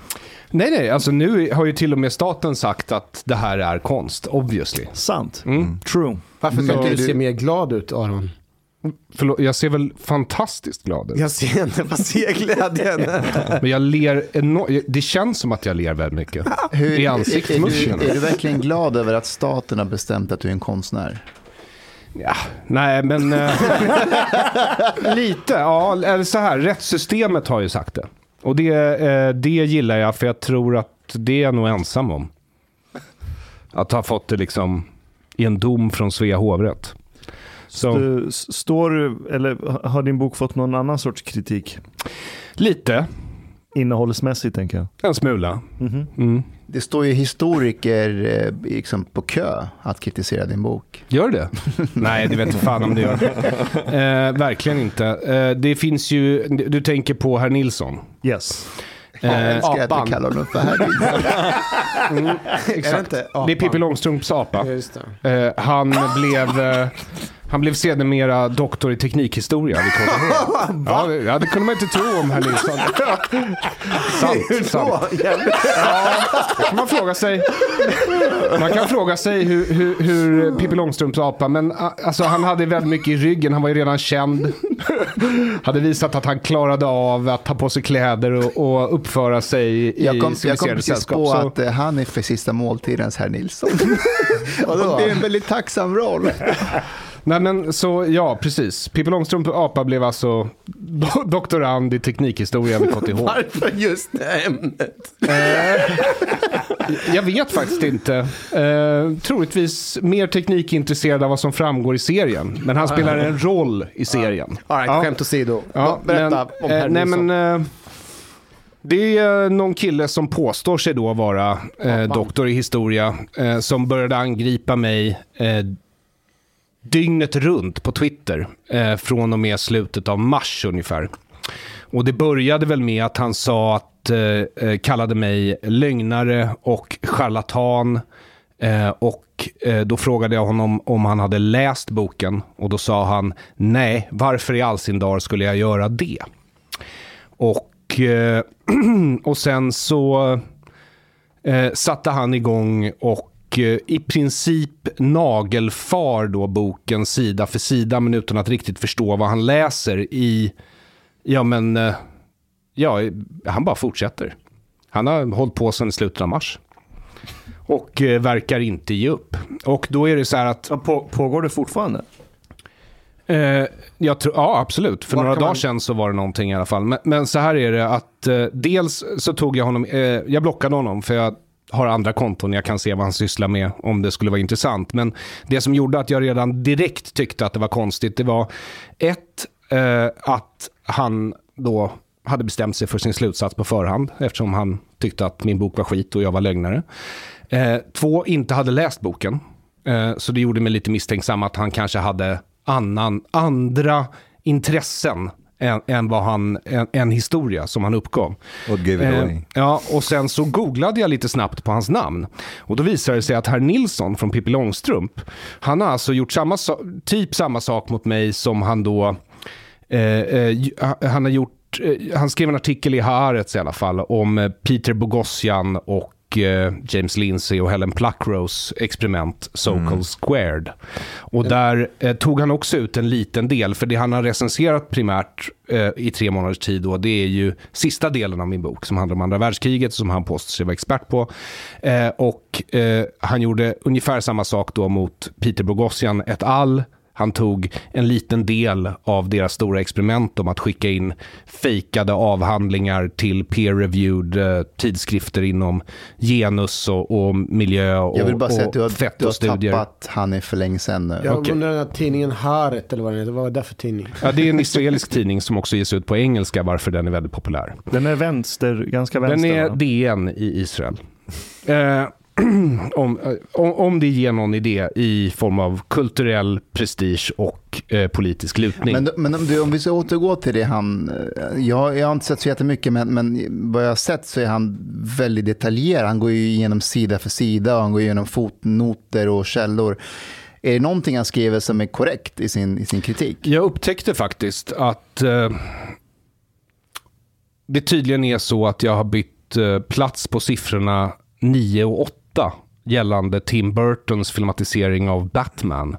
Den kom alltså ut 1989 eh, och det har råkat bli 1998 i boken. Förutom det, finns det men kan du känna en tacksamhet inför att han Absolut inte. granskar? Nej, nej, nej, nej, absolut inte. Därför att det är, ing, det är inte fråga om en granskning. Därför att det, det är ren smutskastning. Han har bestämt sig för slutsatsen på förhand. Innan han läst boken? Innan han läst boken. Han recenserar en del av boken, tredje delen, löpande. Så gör man inte när man ska recensera något. Du läser hela och sen kan du gå in i detalj och säga det här är fel, det här är problematiskt och sådär. Men han, han recenserar en löpande och det fortgår ju. Och till tidningen Arbetaren, dagen efter Svea hovrätt hade frikänt mig, eh, så intervjuas han i tidningen Arbetaren och då kan man läsa hans intervju där om man vill. Och då frågar de honom hur länge ska det här pågå? Det ska pågå för alltid. Och då, då vet jag att det är smutskastning, därför att annars hade jag fått min recension som jag hade kunnat bemöta. Nu är det som att liksom haveristerna, de sponsrar honom, de satt upp en Patreon för honom. Eh, de liksom... Eh, de förväntar sig då att jag ska sitta dygnet runt och vänta på att Mikael Nilsson ska hitta någonting i min bok han inte gillar och sen så ska jag bemöta hans trådar separat. Vadå? För evig tid? Det är ju Kafka-situation. Liksom. Mm. Så eh, nej, det är ren smutskastning. Det finns ingenting där annat än en politisk aktivist. Och jag vet det därför att han avslutade artikeln som han skrev om So-Called Squared-gänget, det här amerikanska gänget då, i Haaretz. Eh, så avslutade han då med ett stridsrop till försvar för genusforskning och eh, fettstudier eller vad fan det nu var. Eh, så eh, han är tydligt politisk i allt han skriver. Och sen efter att jag hade publicerat ett svar, eftersom när en tidning med pressstöd som Arbetaren skriver någonting så tycker jag att jag kan svara på det i min egen podd. Behöver inte svara hos dem. Um, eftersom jag inte får ta del av deras pressstöd, så varför ska jag ge dem läsare? Uh, så fick jag lite skickat till mig från uppmärksamma lyssnare. Och uh, då visade det sig att den här Mikael Nilsson redan 2013 har blivit anklagad för forskningsfusk. Nej, fos nej, forskningsfusk eh, lögner och bedrägeri i princip. Och ett försök att politisera Herbert Tingsten som var eh, redaktör på DN en gång i tiden och väldigt liberal. Jag provade att ge mig in i den där eh, debatten ja. kring din bok. Så jag kollade liksom vad är det folk har hakat upp sig på eh, mest. Och det verkade som eh, di, din tes, eller din andemening, om att Sverige sålde järnmalm till Nazityskland i utbyte mot guld, där en del av guldet var stulet från judar och andra grupper. Mm. Så jag kollade lite på det och hittade eh, två, två separata historiker, en på Princeton, en på NYU, Harold James och Tony Jutt, tror jag de heter. Eh, och ett dokument från US Department of State, mm. eh, där eh, den här tesen stärks ja. i tre separata verk. Då. Och så skrev jag det till honom. Mm. Att så här, ja, men, eh, har de här tre källorna också totalt missförstått ja. eh, historien och har de feltolkat och det är du som har rätt? Och hans svar var mer eller mindre att nej, men de amerikanska forskare de har inte så bra koll på det svenska forskningsläget. Nej, men då kan jag trösta herr Nilsson med att det finns två stycken statliga utredningar, alltså SOUer. Ja. Eh, 1998 kolon 86 och 1999 kolon 20. Eh, som eh, går igenom det här. Och de är väl svårt censurerade av regeringen och säger väl inte rätt ut. Men om man sätter sig ner med siffrorna så ser man ju att det här är exakt vad som hände. Får jag, får jag fråga dig, Ashkan, var det tre forskare? Som eh, två amerikanska historiker och sen ett, en ganska lång rapport från US Department of State. De här två forskarna och rapporten, eh, hänvisar de till samma källa eller, eller är det tre olika källor. Eh, båda, om jag inte missminner mig, hänvisar bland annat till US Department of State-dokumenten. Men också, en av dem tror jag hänvisar till svenska SOUn också. Om jag inte missminner mig. Ja. Eh, men jag kan ha fel på de detaljerna. Men jag var bara nyfiken på så här, vad är rimligheten att de här tre källorna har totalt misstolkat allting och du har rätt? Det låter lite fishy för mig. Mm. Uh, sen, uh, ja. Men det, det, var också en grej som gjorde att jag bestämde mig för att svara. Det var för att han i, i tidningen Arbetaren, intervjuad av uh, vänsteraktivisten Johannes Klenell, så säger ju herr Nilsson då att det förekom ingen guldhandel mellan Sverige och Tyskland.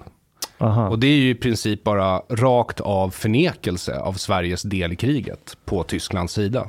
Det, det, och då så, tycker jag att det är lite allvarligare än, ja, hans allmänna språkbruk. För när man går tillbaka till den här Herbert Tingsten-debatten, som jag bad dig lyssna på en Studio 1-grej om, Arskan. Ja.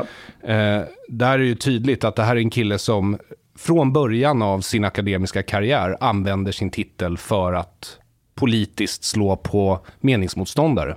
Ja, och han använder ju ofta det här att nej, det är vetenskap, man, det ska inte finnas utrymme för feltolkningar. Gör Mm. man det här korrekt? Jag anser inte att historia är en vetenskap överhuvudtaget. För finns det ingen matematik involverat så är det inte science i mina ögon. Men det är väl, Agreed.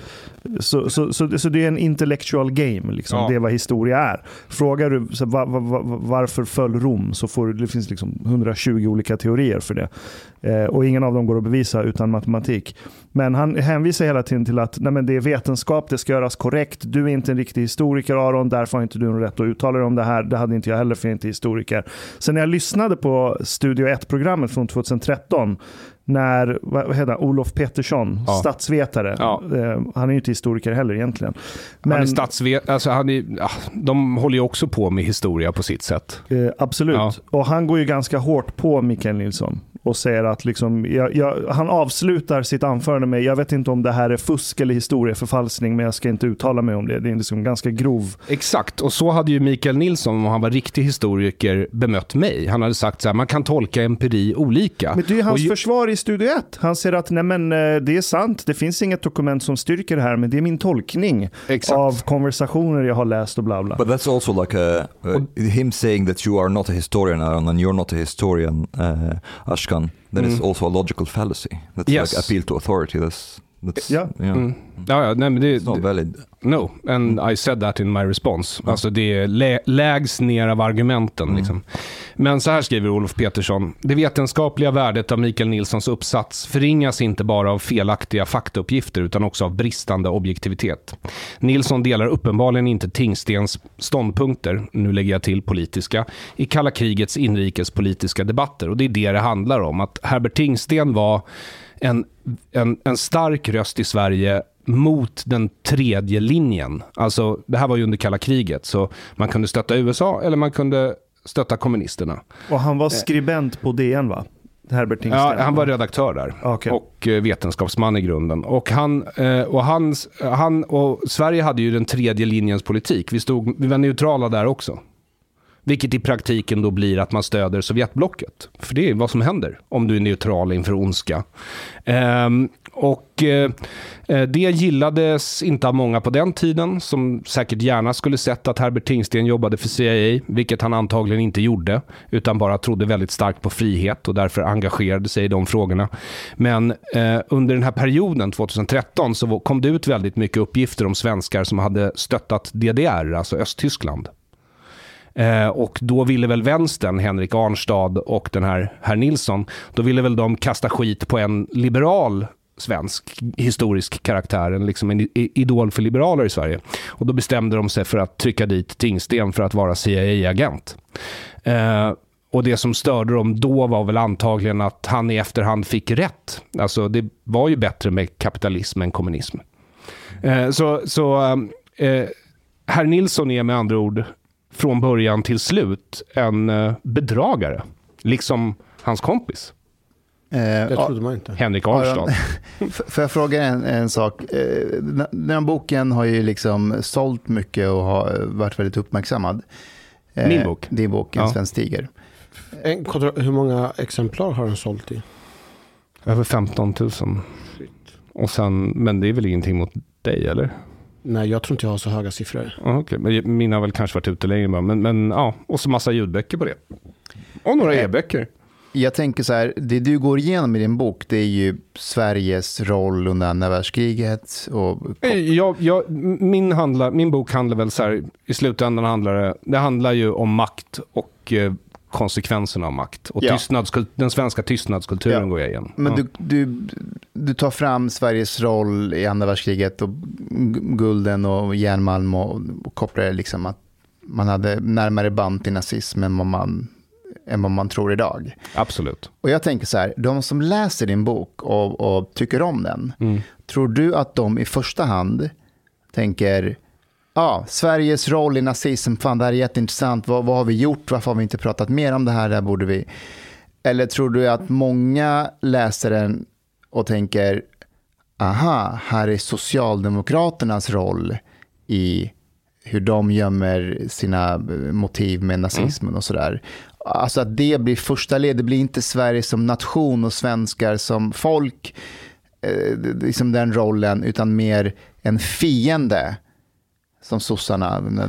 Alltså grejen är att sossarna har ju haft makten på någon sorts demokratisk väg i Sverige i nästan hundra år. Eh, och det är klart att när ett folk frivilligt lämnar över makten till ett parti så lång tid, eh, så är det givet att det kommer liksom få konsekvenser. Eh, och en av de sakerna jag kritiserar är just att, därför att hur de här konsekvenserna tar sig uttryck i Sverige tror jag har mycket med vad socialdemokratin tror på att göra.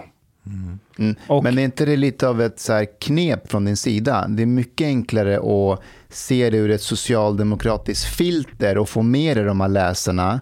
För att de skulle inte hänga med annars om du bara målade, om, om, om din bok handlar om Sverige Mm. och, inte, och att du inte drog in so- sossarna i spelet. Hade du Mm. fått lika bra respons från de som har läst din bok och hyllat dig? Eh, Alltså rent offentligt så är det väldigt få hyllningar. I pressstödsmedia så är de ju inga, skulle jag tro, som har hyllat mig. Kanske Skånska Dagbladet vid något tillfälle. Men, men, De eh, har ju däremot uppmärksammat och, och varit på din Absolut. sida under rättegången. Då- alltså när det gäller omslaget, ja. ja. Mm. Men omslaget är också en illustration av innehållet. Mm. Så, eh, Men förstår du min fråga? Att eh, det, det, det, du gör ju det snyggt. Du, du, du gör det genom sossarnas filter. Att de mer eller mindre är ansvariga, men inte... de är ju ytterst ansvariga. Absolut, jag håller med dig. Så det, men, det är liksom, de är de sossarna- facto ytterst ansvariga. Ja, men sossarna är också Sverige. Det är svenska folket som har röstat fram sossarna och gett dem 50 år i makt. Det är en majoritet av svenskar. En majoritet, ja, men Ja. inte alla. Nej, Nej. absolut. Eh, och det är klart att det fanns röster emot även under andra världskriget. Vi hyllar vissa idag, men de flesta är nog bortglömda. Liksom. Eh, så nej men det är väl klart, alltså det, det som herr Nilsson är så sårad över är att min kritik av Sveriges agerande under just andra världskriget eh, är också en kritik av socialismen. there's something I've been thinking about that that I want to run by you. Because to me actually Socialdemokraterna, how I see them as I see them as the most conservative party in Sweden. That they are the party that really wants to preserve the status quo. Ja. But at the same time, since they want to like may, like uh, keep power, they also don't want to like you know miss the train because the zeitgeist of Sweden and the culture is moving at a pace, and they want to keep up with the pace. So they seem that they it seems to me that they kind of like find themselves in a dilemma. Should they start to preserve things or, or keep trying to preserve things, or should they renew themselves to keep up with the pace of change? What do you think will happen? Will they renew themselves or will they be left behind? I hope they will be left behind, but I fear what might come next. Vad skulle det Eh, vara? Va? Vad skulle det vara? Nej men, eh, alltså det är ju ett hyfsat kollektivistiskt land, så det blir väl någon ny form av kollektivism bara. Och SD-kollektivism. Ja, exakt. Eh, Nej men... eh, Det, det, är- alltså, det är inte, alltså, jag ser Sverigedemokraterna i stort som sossar. Alltså, de är sossar minus invandrare. That- That's how I see it. Men de gamla sossarna var ju inte heller så jätteinvandrarvänliga. Absolut inte. Alltså, Olof, Inte alls. Olof Palme var ju rätt kritisk Ja. eh, tidigt och pratade om att vi kan inte ta hit människor från tredje världen och tro att de ska bli som oss. Han sa det mer eller mindre på det sättet. Och, Nej, men de var medvetna att det här är en, ett extremt homogent land. Med, precis som Japan, med känslig kultur och väldigt många konstiga oskrivna regler och lagar och sådär. How, how Men det är väl lite roligt på Twitter att eh, de som kallas Sverigevänner är superkritiska mot Sverige. Och de som hatar Sverigevänner hyllar staten. Det är faktiskt sant. Ja, men alltså, kolla här. Vilka är det Eh, som är nationalister undrar jag? Ja, ja, ja, Alltså- det, där är Okej. jätteintressant. Bra Alltså, alltså Sverigevänner som säger så här, prata inte skit om Sverige, vi, vi är ett bra folk, det här är världens minst rasistiska land och svenskar har inga fördomar. Det är ju inte antirasister som ofta säger så, utan ofta säger Sverigevänner. Men när eh, Jim Åkesson och Mattias Karlsson hade, de köpte ju någon helsida, eller köpte, men i Washington Post, där de verkligen fucking svartade ner Sverige om att så här, vårt land håller på att gå åt helvete och de här har förstört och invandringen har gjort det här och det är liksom det är ju svartmålning av Sverige. Alltså, eh, om man är en riktig nationalist så gör man ju inte så. Nej. Det är det här jag menar. Du får prata skit om Sverige om du pratar om det på ett sätt. Men du får inte prata om främlingsfientligheten eller rasismen eller som, som Nadim gör eller Elaf gör. Så klanka ner på Sverige på rätt sätt. Kan det inte vara skillnad på att du för intern kritik men extern kritik? Så länge du har kritiken är internt inåt, då är det legit. Men om du utåt sett kritiserar, då är det ju liksom... Det här, vet du vad det här påminner mig om? Hade vänstern kunnat kritisera sig själva hade jag inte behövts. Vet du vad det här påminner mig om? Eh, afghaner älskar att kritisera afghaner internt, internt Det är mellan samma varandra. sak med iranier också. Ja. Åh shit vad de snackar skit om varandra, så jag är med där. Typ, fy fan vad håller vi på med? Ja, hederskultur, fan vi, vi är inte kloka. Men så fort en svensk kommer in, vi är mycket bra. mycket bra folk, bättre kultur än svenskarna. Allt är mycket, mycket bra. För man får, det finns en... Um, lokalpatriotism är fel ord, men men på samma sätt som Rinkebybor eller Rosengårdbor, det är ju starkt lokalpatrioter. Alltså om man lyssnar på musiken så är det, det, det är schizofren musik som börjar med att i, i vårt område det skjuts överallt och det är knark överallt och min broder dog. Och sen andra hälften av låten. Media skriver skit om oss. Varför de gör det? Kolla det är bra här. Du vet, så här. Dra inte oss alla över en kam. But Mustafa, to to like my analysis of how SD at least that they hate today's Sweden. They want to go back to some some Sweden that's in the past or an ideal Sweden that does not exist today. So that's why for them it's totally fine, or even it is it is recommended or praised to talk shit about today's Sweden because they hate this today Sweden. Mm. Ja, men det gör de och det är därför jag inte kan ta dem på allvar. För det finns en stark nostalgisk dröm om att Sverige ska återgå till det här fina Sverige som det en gång i tiden var. Och jag menar att det Sverige kommer inte komma tillbaka. Det tåget har passerat, det, det finns inte längre. Du kan få det, du kan få en version av det, men då får du ta rätt antidemokratiska Nej. metoder för att få det. Och nu ska jag motsätta eran tes. Okay. Eh, jag har nöjet att vara medlem på en grupp på Facebook som heter Värna Hofors. det här är skitroligt. Alltså jag tror att det finns överallt. I, all, I hela Sverige så finns det alltid så här små grupper. Det finns alltid så här små community för olika små samhällen. Där man verkligen genuint eh, bryr sig om varandra. Och jag har sedan eh, några månader tillbaka fått möjligheten att eh, liksom infiltrera och läsa hur, hur det är att vara i en liten kommun som Hofors. Och jag skulle vilja påstå den här idén som Jimmy Åkesson och SD har, att gå, få tillbaka Sverige till ett, ett Sverige som fanns för länge sedan, den finns på riktigt. Eh, överallt i samhället och det är framförallt små orter. Och en av de här orterna är Hofors. Som ett exempel ska läsa lite allmänt om eh, vad de har för olika typer av trådar. Så har de en tråd, det här tror jag, så här tror jag det var för, för länge sedan i Sverige. Så har de liksom, all, alla hjälptes åt, alla var ju eh, liksom, eh, snälla mot varandra. Bland annat så har de en fast tråd för katter som är borta eller upphittade. Lägg in bild och info här i tråden. Och man kan tänka sig att det här är bara en ploj. Men det är, kolla, kolla. Folk lägger in katter som är borta och påhittade. Det finns, förutom katter, det finns nycklar, det finns någon som varit full, någon som inte slängt skräpet. Allt det där som man tänker sig att det inte fanns en gång i tiden i Sverige, det finns på riktigt. But uh, what do what do you mean? That, that there Jo, was det- there were keys and, and cats in, Nej, the, nej, nej, in, nej, det- the det- puzzle? Det här det- finns, det här är drömmen. Nej, nej, men Lisa, det han menar är att jag antar att i den här Hoforsgruppen så är det typ inga invandrare. det, är bara, det är bara svenskar som är solidariska mot varandra, ger tips om vad deras bortsprungna katter kan vara. Om någon har hittat nycklar så får de tillbaka det. De lever ju i det gamla Sverige fast på en Facebookgrupp i Hofors, digitalt. Mm. Fast det här är på riktigt och eh, de har kanske inte har så mycket invandrare men jag vet att vid ett tillfälle så har någon invandrare tagit sig till Hofors och startat en så här invandrarbutik. och Och en livsmedelsbutik. ja, exakt. Did, they put a picture of him on the, under the cats or? Då, då har några gått in och sagt hej, jag vill bara uppmärksamma om den här invandrarbutiken. De har verkligen bra ris och te och grejer.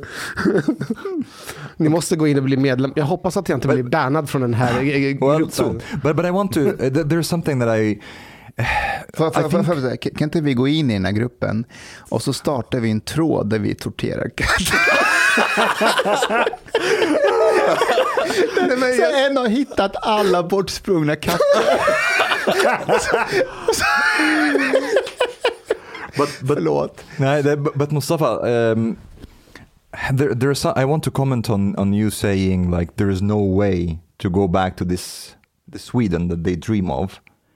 But it's also I, I imagine now like someone who's just you know an average person here in Sweden living in the countryside or whatever hearing you saying that it's like fucking immigrants.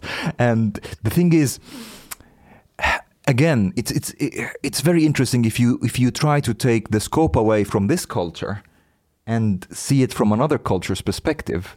Like for example in Egypt or something like that if if people have had a significant significant waves of immigrants that and there's a lot of problems that came from from these immigration immigrant waves and the country is being kind of uh, pff, destroyed is a bit uh, it's an exaggeration it's not destroyed but you know there's a lot of problems and it, it would be something natural that everybody would think, well, we have to get rid of these immigrants.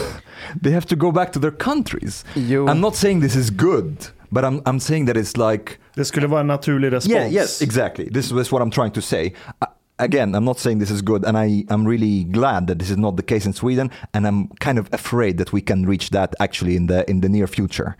Um, but Men det- it's not a strange thing. Nej, det är inte konstigt, men det är det jag menar att om det ska gå i uppfyllelse så får man ta till odemokratiska metoder. Ta till exempel Tjärna ängar i Borlänge, där eh, en stor majoritet är somalier som bor där. Eh, Man misstänker att, eh, eller så här, på pappret är det 3500 som bor i området. Men polisen och kommun, kommunen tror att det är 10 000 som bor där. What? Och det har man mätt med avlopp och sophantering. Mm. En stor majoritet av de som bor i Kärnängar är arbetslösa. Eh, och ja, Ni kan föreställa er hur betygen ser ut i, i skolorna och så. Eh, och eh, Det här är en annan grej. I Kärnängar så har eh, polisanmälningar vad gäller brott gått ner drastiskt. Eh, och eh, Man kan tänka sig att ah, det verkar vara bra där, men polisen är jätteoroliga därför att det är inget bra tecken. För att då, det sker fortfarande brott där, men man löser det Liksom, man anmäler inte till polisen för man vill inte blanda in polisen. Så här, hur kommer man åt stadsdelen Tjärna ängar? Hur? Jo, om man, vill, om man vill ha det gamla Sverige tillbaka, ja då får man bara skicka hem in alla dem. Ja, skicka hem alla dem från Tjärna ängar. Det är ett sätt att få tillbaka Ja, det gamla understand. homogena Sverige. Det är därför jag menar att jag kan inte ta SD på allvar, därför att It's not possible. nej, det är inte möjligt. Det gamla jag Sverige, dig. homogena Sverige kommer inte tillbaka. Men vad skulle hända? Ponera att vi tar bort välfärdsstaten. Alla transfereringar upphör. Hur många vi- invandrare skulle stanna då tror du? Jag tror ändå att många skulle stanna därför att Sverige fortfarande är bättre än Afghanistan, än Somalia, än Irak, än Syrien.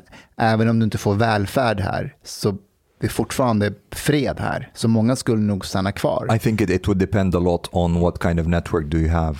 Because if, if the state will not be your kind of like uh, security um, net, then then you will have to find your you know relatives and family, and that depends if they are here. So if you have like successful family members here in Sweden, then you'll have to rely on them. If you don't, then you'll have to rely on your basically your relatives in your home country.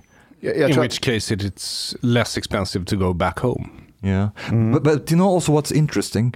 Another thing that a lot of people are asked, like especially a lot of immigrants who are talking about, like you know, becoming Swedes and and and so on, and um, being seen as Swedes. The interesting part is that most Arab countries, including Egypt, it's not possible to to become a citizen by naturalization. You have to, your father has to be Egyptian, for example, for you to get the citizenship. Otherwise, if you were born there to like I don't know Swedish parents and lived your whole life there, there's nobody in in Egypt that would see you as an Egyptian because. Uh, uh, so it's also interesting to see that their cultural perspective there is totally different, and and it's not like it's not even a question of like left or right or anything like that. all people of all classes and all um, ide- ideological um, um, ideologies would see this as, you know, your parents are not Egyptian. That's okay. You're not Egyptian, but we love you. Och, och jag, nej men, jag köper det perspektivet. Alltså att, eh, Unless you're Israeli, in which case we don't love you. Oh, yes, that's true. But Men- but I don't th- again I don't think this is good. But I I- I just think it's ironic that the, the people who complain about that they don't look at Arab countries and say well they don't do that there. ja, och, och, och då kommer, åter, kommer vi tillbaka till att jag förstår det argumentet att så här, men vadå, eh, blir du, japan, blir du japan om du åker till Japan om du är svart liksom eller whatever. Men i slutändan, vill vi vara som Egypten? Nej. Vill vi vara som Afghanistan? Vill vi vara som Japan? Nej, det vill vi inte i Sverige. Vi vill ha ett system som fungerar.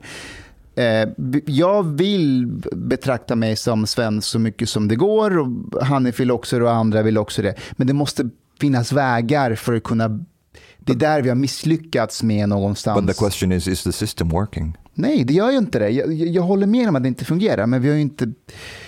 Vi har inte knappt ansträngt oss för att det ska fungera eh, på ett realistiskt sätt. But what is required for the system to work right now? Eh, Alltså, till vad? Eller så, Men alltså, Right now, förlåt, like- förlåt, förlåt, men ni har tappat mig för länge sedan. Men alltså, eh, på ett sätt har väl Sverige lyckats ändå. Vi är ju här och vi gör ju våran grej. Alltså, vi, titt, vi kan ju alltid titta på misslyckade saker som är misslyckats. Men vi kan ju titta på det som har lyckats också. Och vi är ju liksom hyfsat välintegrerade. Jag förstår, men vi, vi är också ointressanta i det avseendet att vi, utgör, alltså vi gör det man ska göra i Sverige. Eh, jobba, betala skatt, kanske inte ha en podd med Chang Frick, för det, det, det är lite Det ska man inte ha. Nej, det ska man inte ha. Men vi är inte ett problem, vi One gör ju det then. man ska göra. Ja, och det är jättemånga som gör det och därför så Men, uppmärksammas de är inte inte ett, det. pro- men, men varför ska de uppmärksammas Hanif? De gör det, de, de, de gör det man ska göra. Det jag- vi har problem med det är att vi har en signifikant majoritet eller en signifikant amount av, av människor som, som inte gör det. Sweden has the just say, Sweden has the highest gap in employment between inrikesfödda och ut- utrikesfödda Hela i hela EU. Europa. Eh, eh, EU? Ja, Kanske, kanske EU. Ja. Det, det, Så- det gapet är större än mellan vita och svarta i USA. Är det sant? Det, det, det, jag vill, Shit. det, jag vill, det jag vill bara, liksom bara uppmärksamma, men jag kan vara fel ute och cykla, det är att vi har stora utmaningar och vi ser framförallt på de här utanförskapsområdena eh, hur, stort, eh, hur stora problem vi har. Samtidigt så är det ju väldigt många som lyckas hela tiden.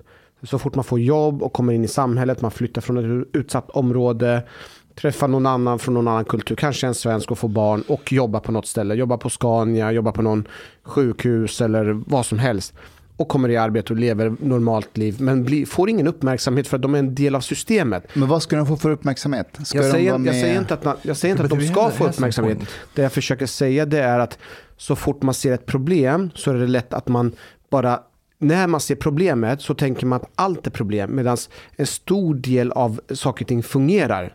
Hänger du med? Men så är det alltid Hanif. Alltså det, är Jag alltid, eh, så här, det är aldrig en majoritet som utgör problem eller aldrig en majoritet som skapar problem. Utan det är alltid en minoritet. Exakt. Och det- Men och det är en stor är- minoritet just Ja, ja, nu. ja. Och min tes är att varje gång vi hela tiden påtalar om vi ska göra det, vi ska dissekera, vi vill ju verkligen lösa problemet.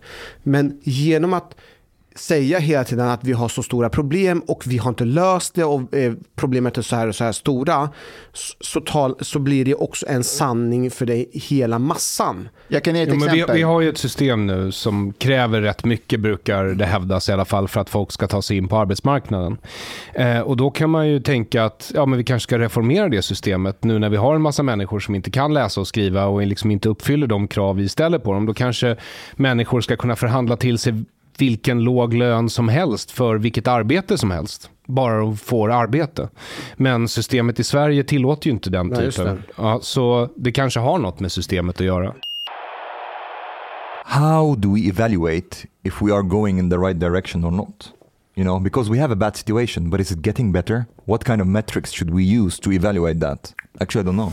Blir, Historikern Peter Turchin har gjort det. Ah. Han har ju kvantifierat eh, systemkollapser och, Okay och det brukar börja med att eh, om priset på arbete går ner, om det blir skitbilligt eh, att anställa folk för att utföra massa jobb, det betyder att värde förflyttas till elitklasser.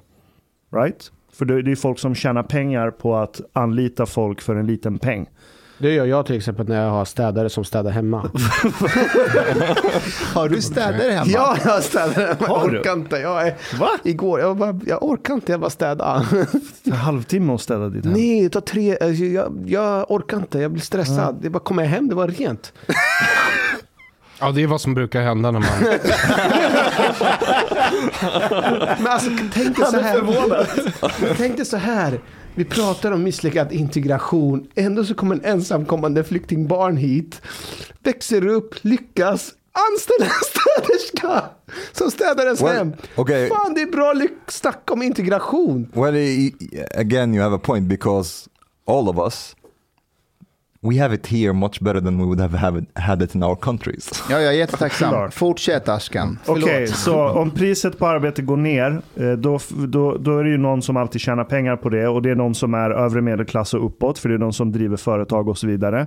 Men Ja. det där är kontraintuitivt. Varför det? Därför att eh, då anställer de ju folk. Ja, Och då får ju de människorna som har blivit anställda också pengar. Till skillnad från att inte ha jobb och då kanske få pengar från det allmänna.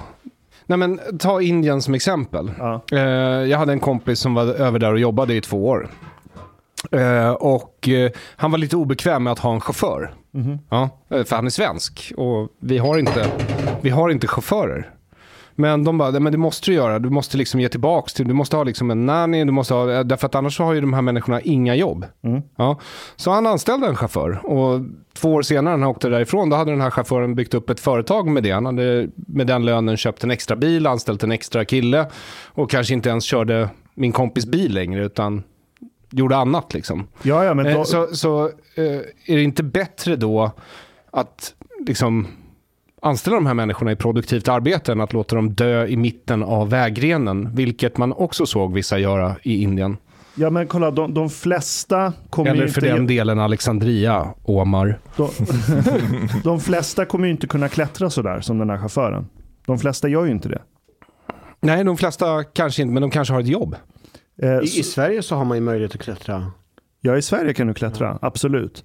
Eh, och ja, de har möjlighet till ett jobb, men om reallönerna inte fortsätter öka, Just så om priset på arbete blir lägre och lägre och lägre, Priset på arbete. ja, Mm. då får du en stor klass av människor eh, som kanske inte jobbar i lika stor utsträckning och så vidare. Så Mm. då har du en potential, en pool av människor som kan börja mobilisera sig Mm. mot missnöje. Mm. Samtidigt som de övre klasserna eh, drar in mycket mer deg. Mm. Och det är det här som är intressant. Eh, när, när en sån process sker, då tenderar eh, elitklassen att expandera och bli flera. Så man börjar investera mer i universitet, man börjar expandera så alla diplomutdelande institutioner i landet och då får du en överproduktion av eliter.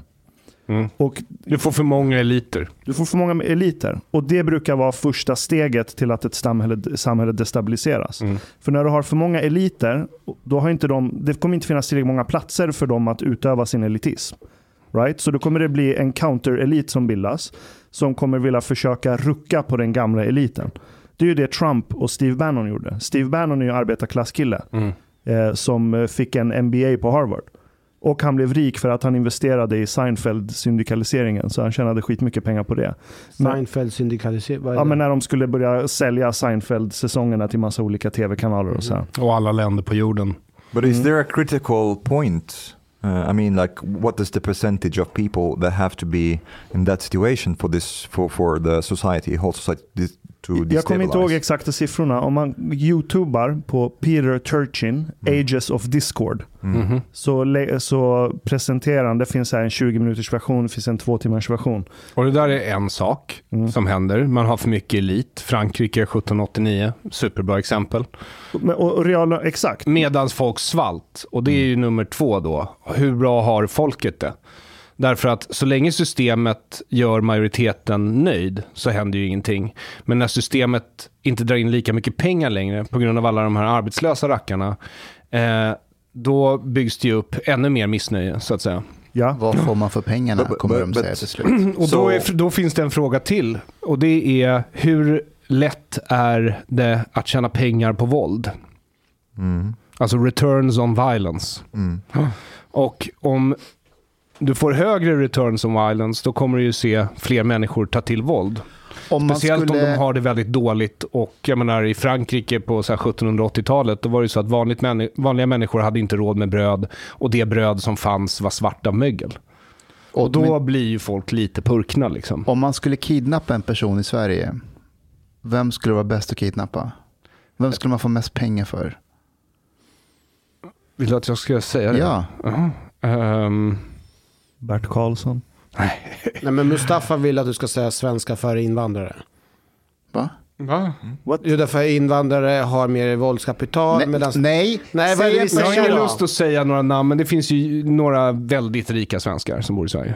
Ja, det vet jag. Men vissa av dem har ju också säkerhetsstyrkor liksom, runt sig. Tror du? Ja. Har, har Daniel Ek en säkerhetsstyrka till exempel? Vem? Daniel det, Ek. vet, det vet 17. Ja. Spotifys grundare. But, but wait, Men Jag- Melker jag skulle Schörling ha- har nog det. Jag skulle ha haft om jag var han. Jag skulle, jag skulle bli förvånad om han inte har det. Ja, det vore ju But, but konstigt. just just a second to go back to to what uh, Ashkan and, Yeah. and Arun was saying. So, but but does that mean also that a certain degree of inequality, when it gets too much, Ja, is also destabilizing to to the society Obviously. in this case? ja. And uh, it would be interesting also to try to to see if we're getting closer to that point or away from that Ja, men kolla, point. det är därför jag säger, alltså Peter Turchin är skitviktig idag. Han har kvantifierat allt det här. Mm. De, de är en ganska stor grupp som håller på med det här. Så de har olika mätvärden för att mäta liksom överproduktion av elit till exempel. Eh, jag tror proxyn de använder för det, det är hur många jurister som examineras per år.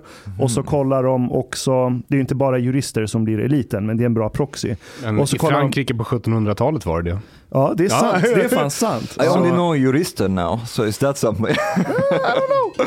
Men, men, men också så här, priset på universitet, det går ju inte att översätta till svenska för vi betalar, eller vi är inte kunder till universitet på samma sätt som USA. Men det borde gå att bygga en modell. Och så kollar han liksom hur många riots det är per år. Eh, och massa sådana här siffror. Och du ser en jättefin cykel på ungefär 50 år. Så så länge reallö, eh, reallönerna liksom bromsas och inte fortsätter öka, eller relative wa- wage tror jag det han använder, så börjar den här cykeln. Och den sker ungefär var 50 år. Så du ser en överproduktion av elit och sen ser du att riots börjar öka och så blir det politisk destabilisering eh, och sen blir det stabilitet igen. Och så fortsätter den här cykeln Så när 15 Göran. Persson sa vi ska utbilda, utbilda 50% av alla gymnasieungdomar eh, på högskolan, det var...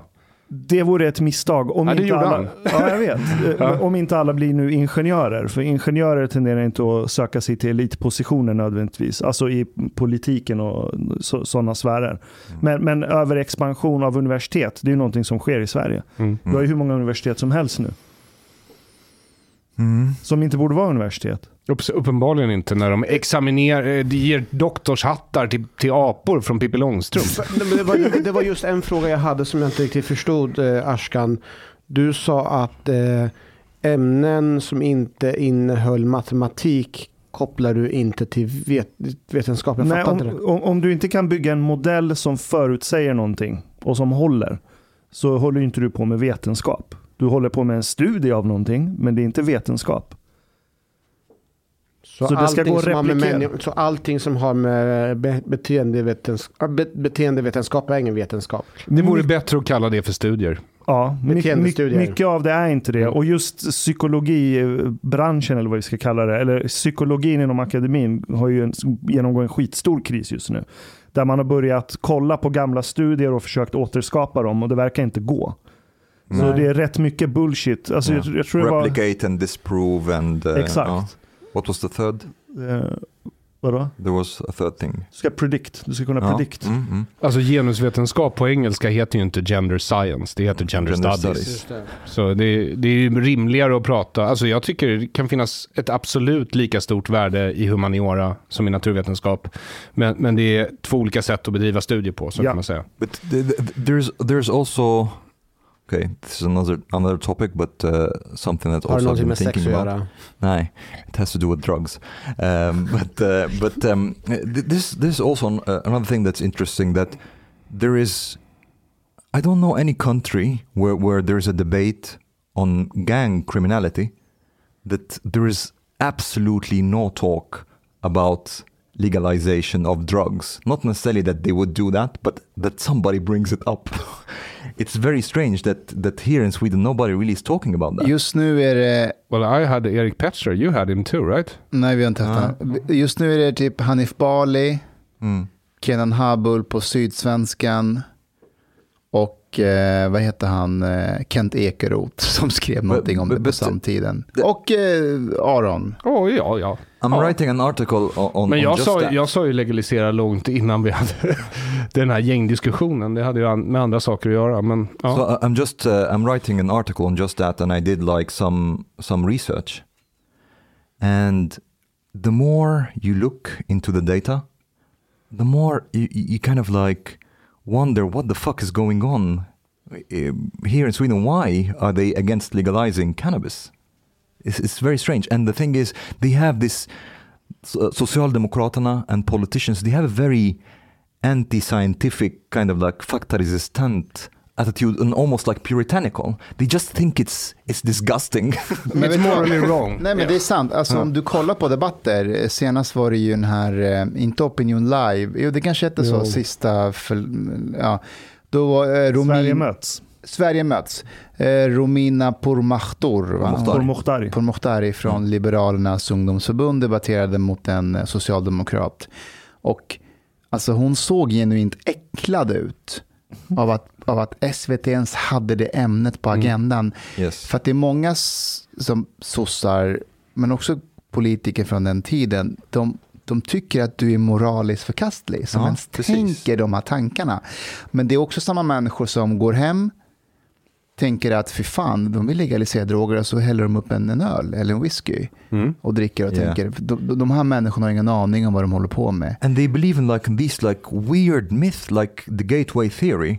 There is no any like substantial data that that support. There is even data that says that actually legalizing cannabis reduces the use of hard drugs and even alcohol, alcohol binging. Uh, and if you look at the like, you can compare Portugal to Sweden. Sweden has the highest rate of death from drugs in the whole of EU. I många år har vi haft det. Portugal, uh, since 2001, they have uh, decriminalized all personal use of all drugs, basically. Uh, they, they get you into therapy and you get like in, in front of a commission with a doctor and a social worker and, and so on. And they have one of the lowest rates. It's five times less than the EU average when it comes to death from drugs. Sweden has four times the EU average of death from drugs. What the fuck? Let's move to Portugal and establish a, a non-pure Swedish colony. Det, det fanns statligt sanktionerade mord i moralismens namn. Ja, Ja. det är det.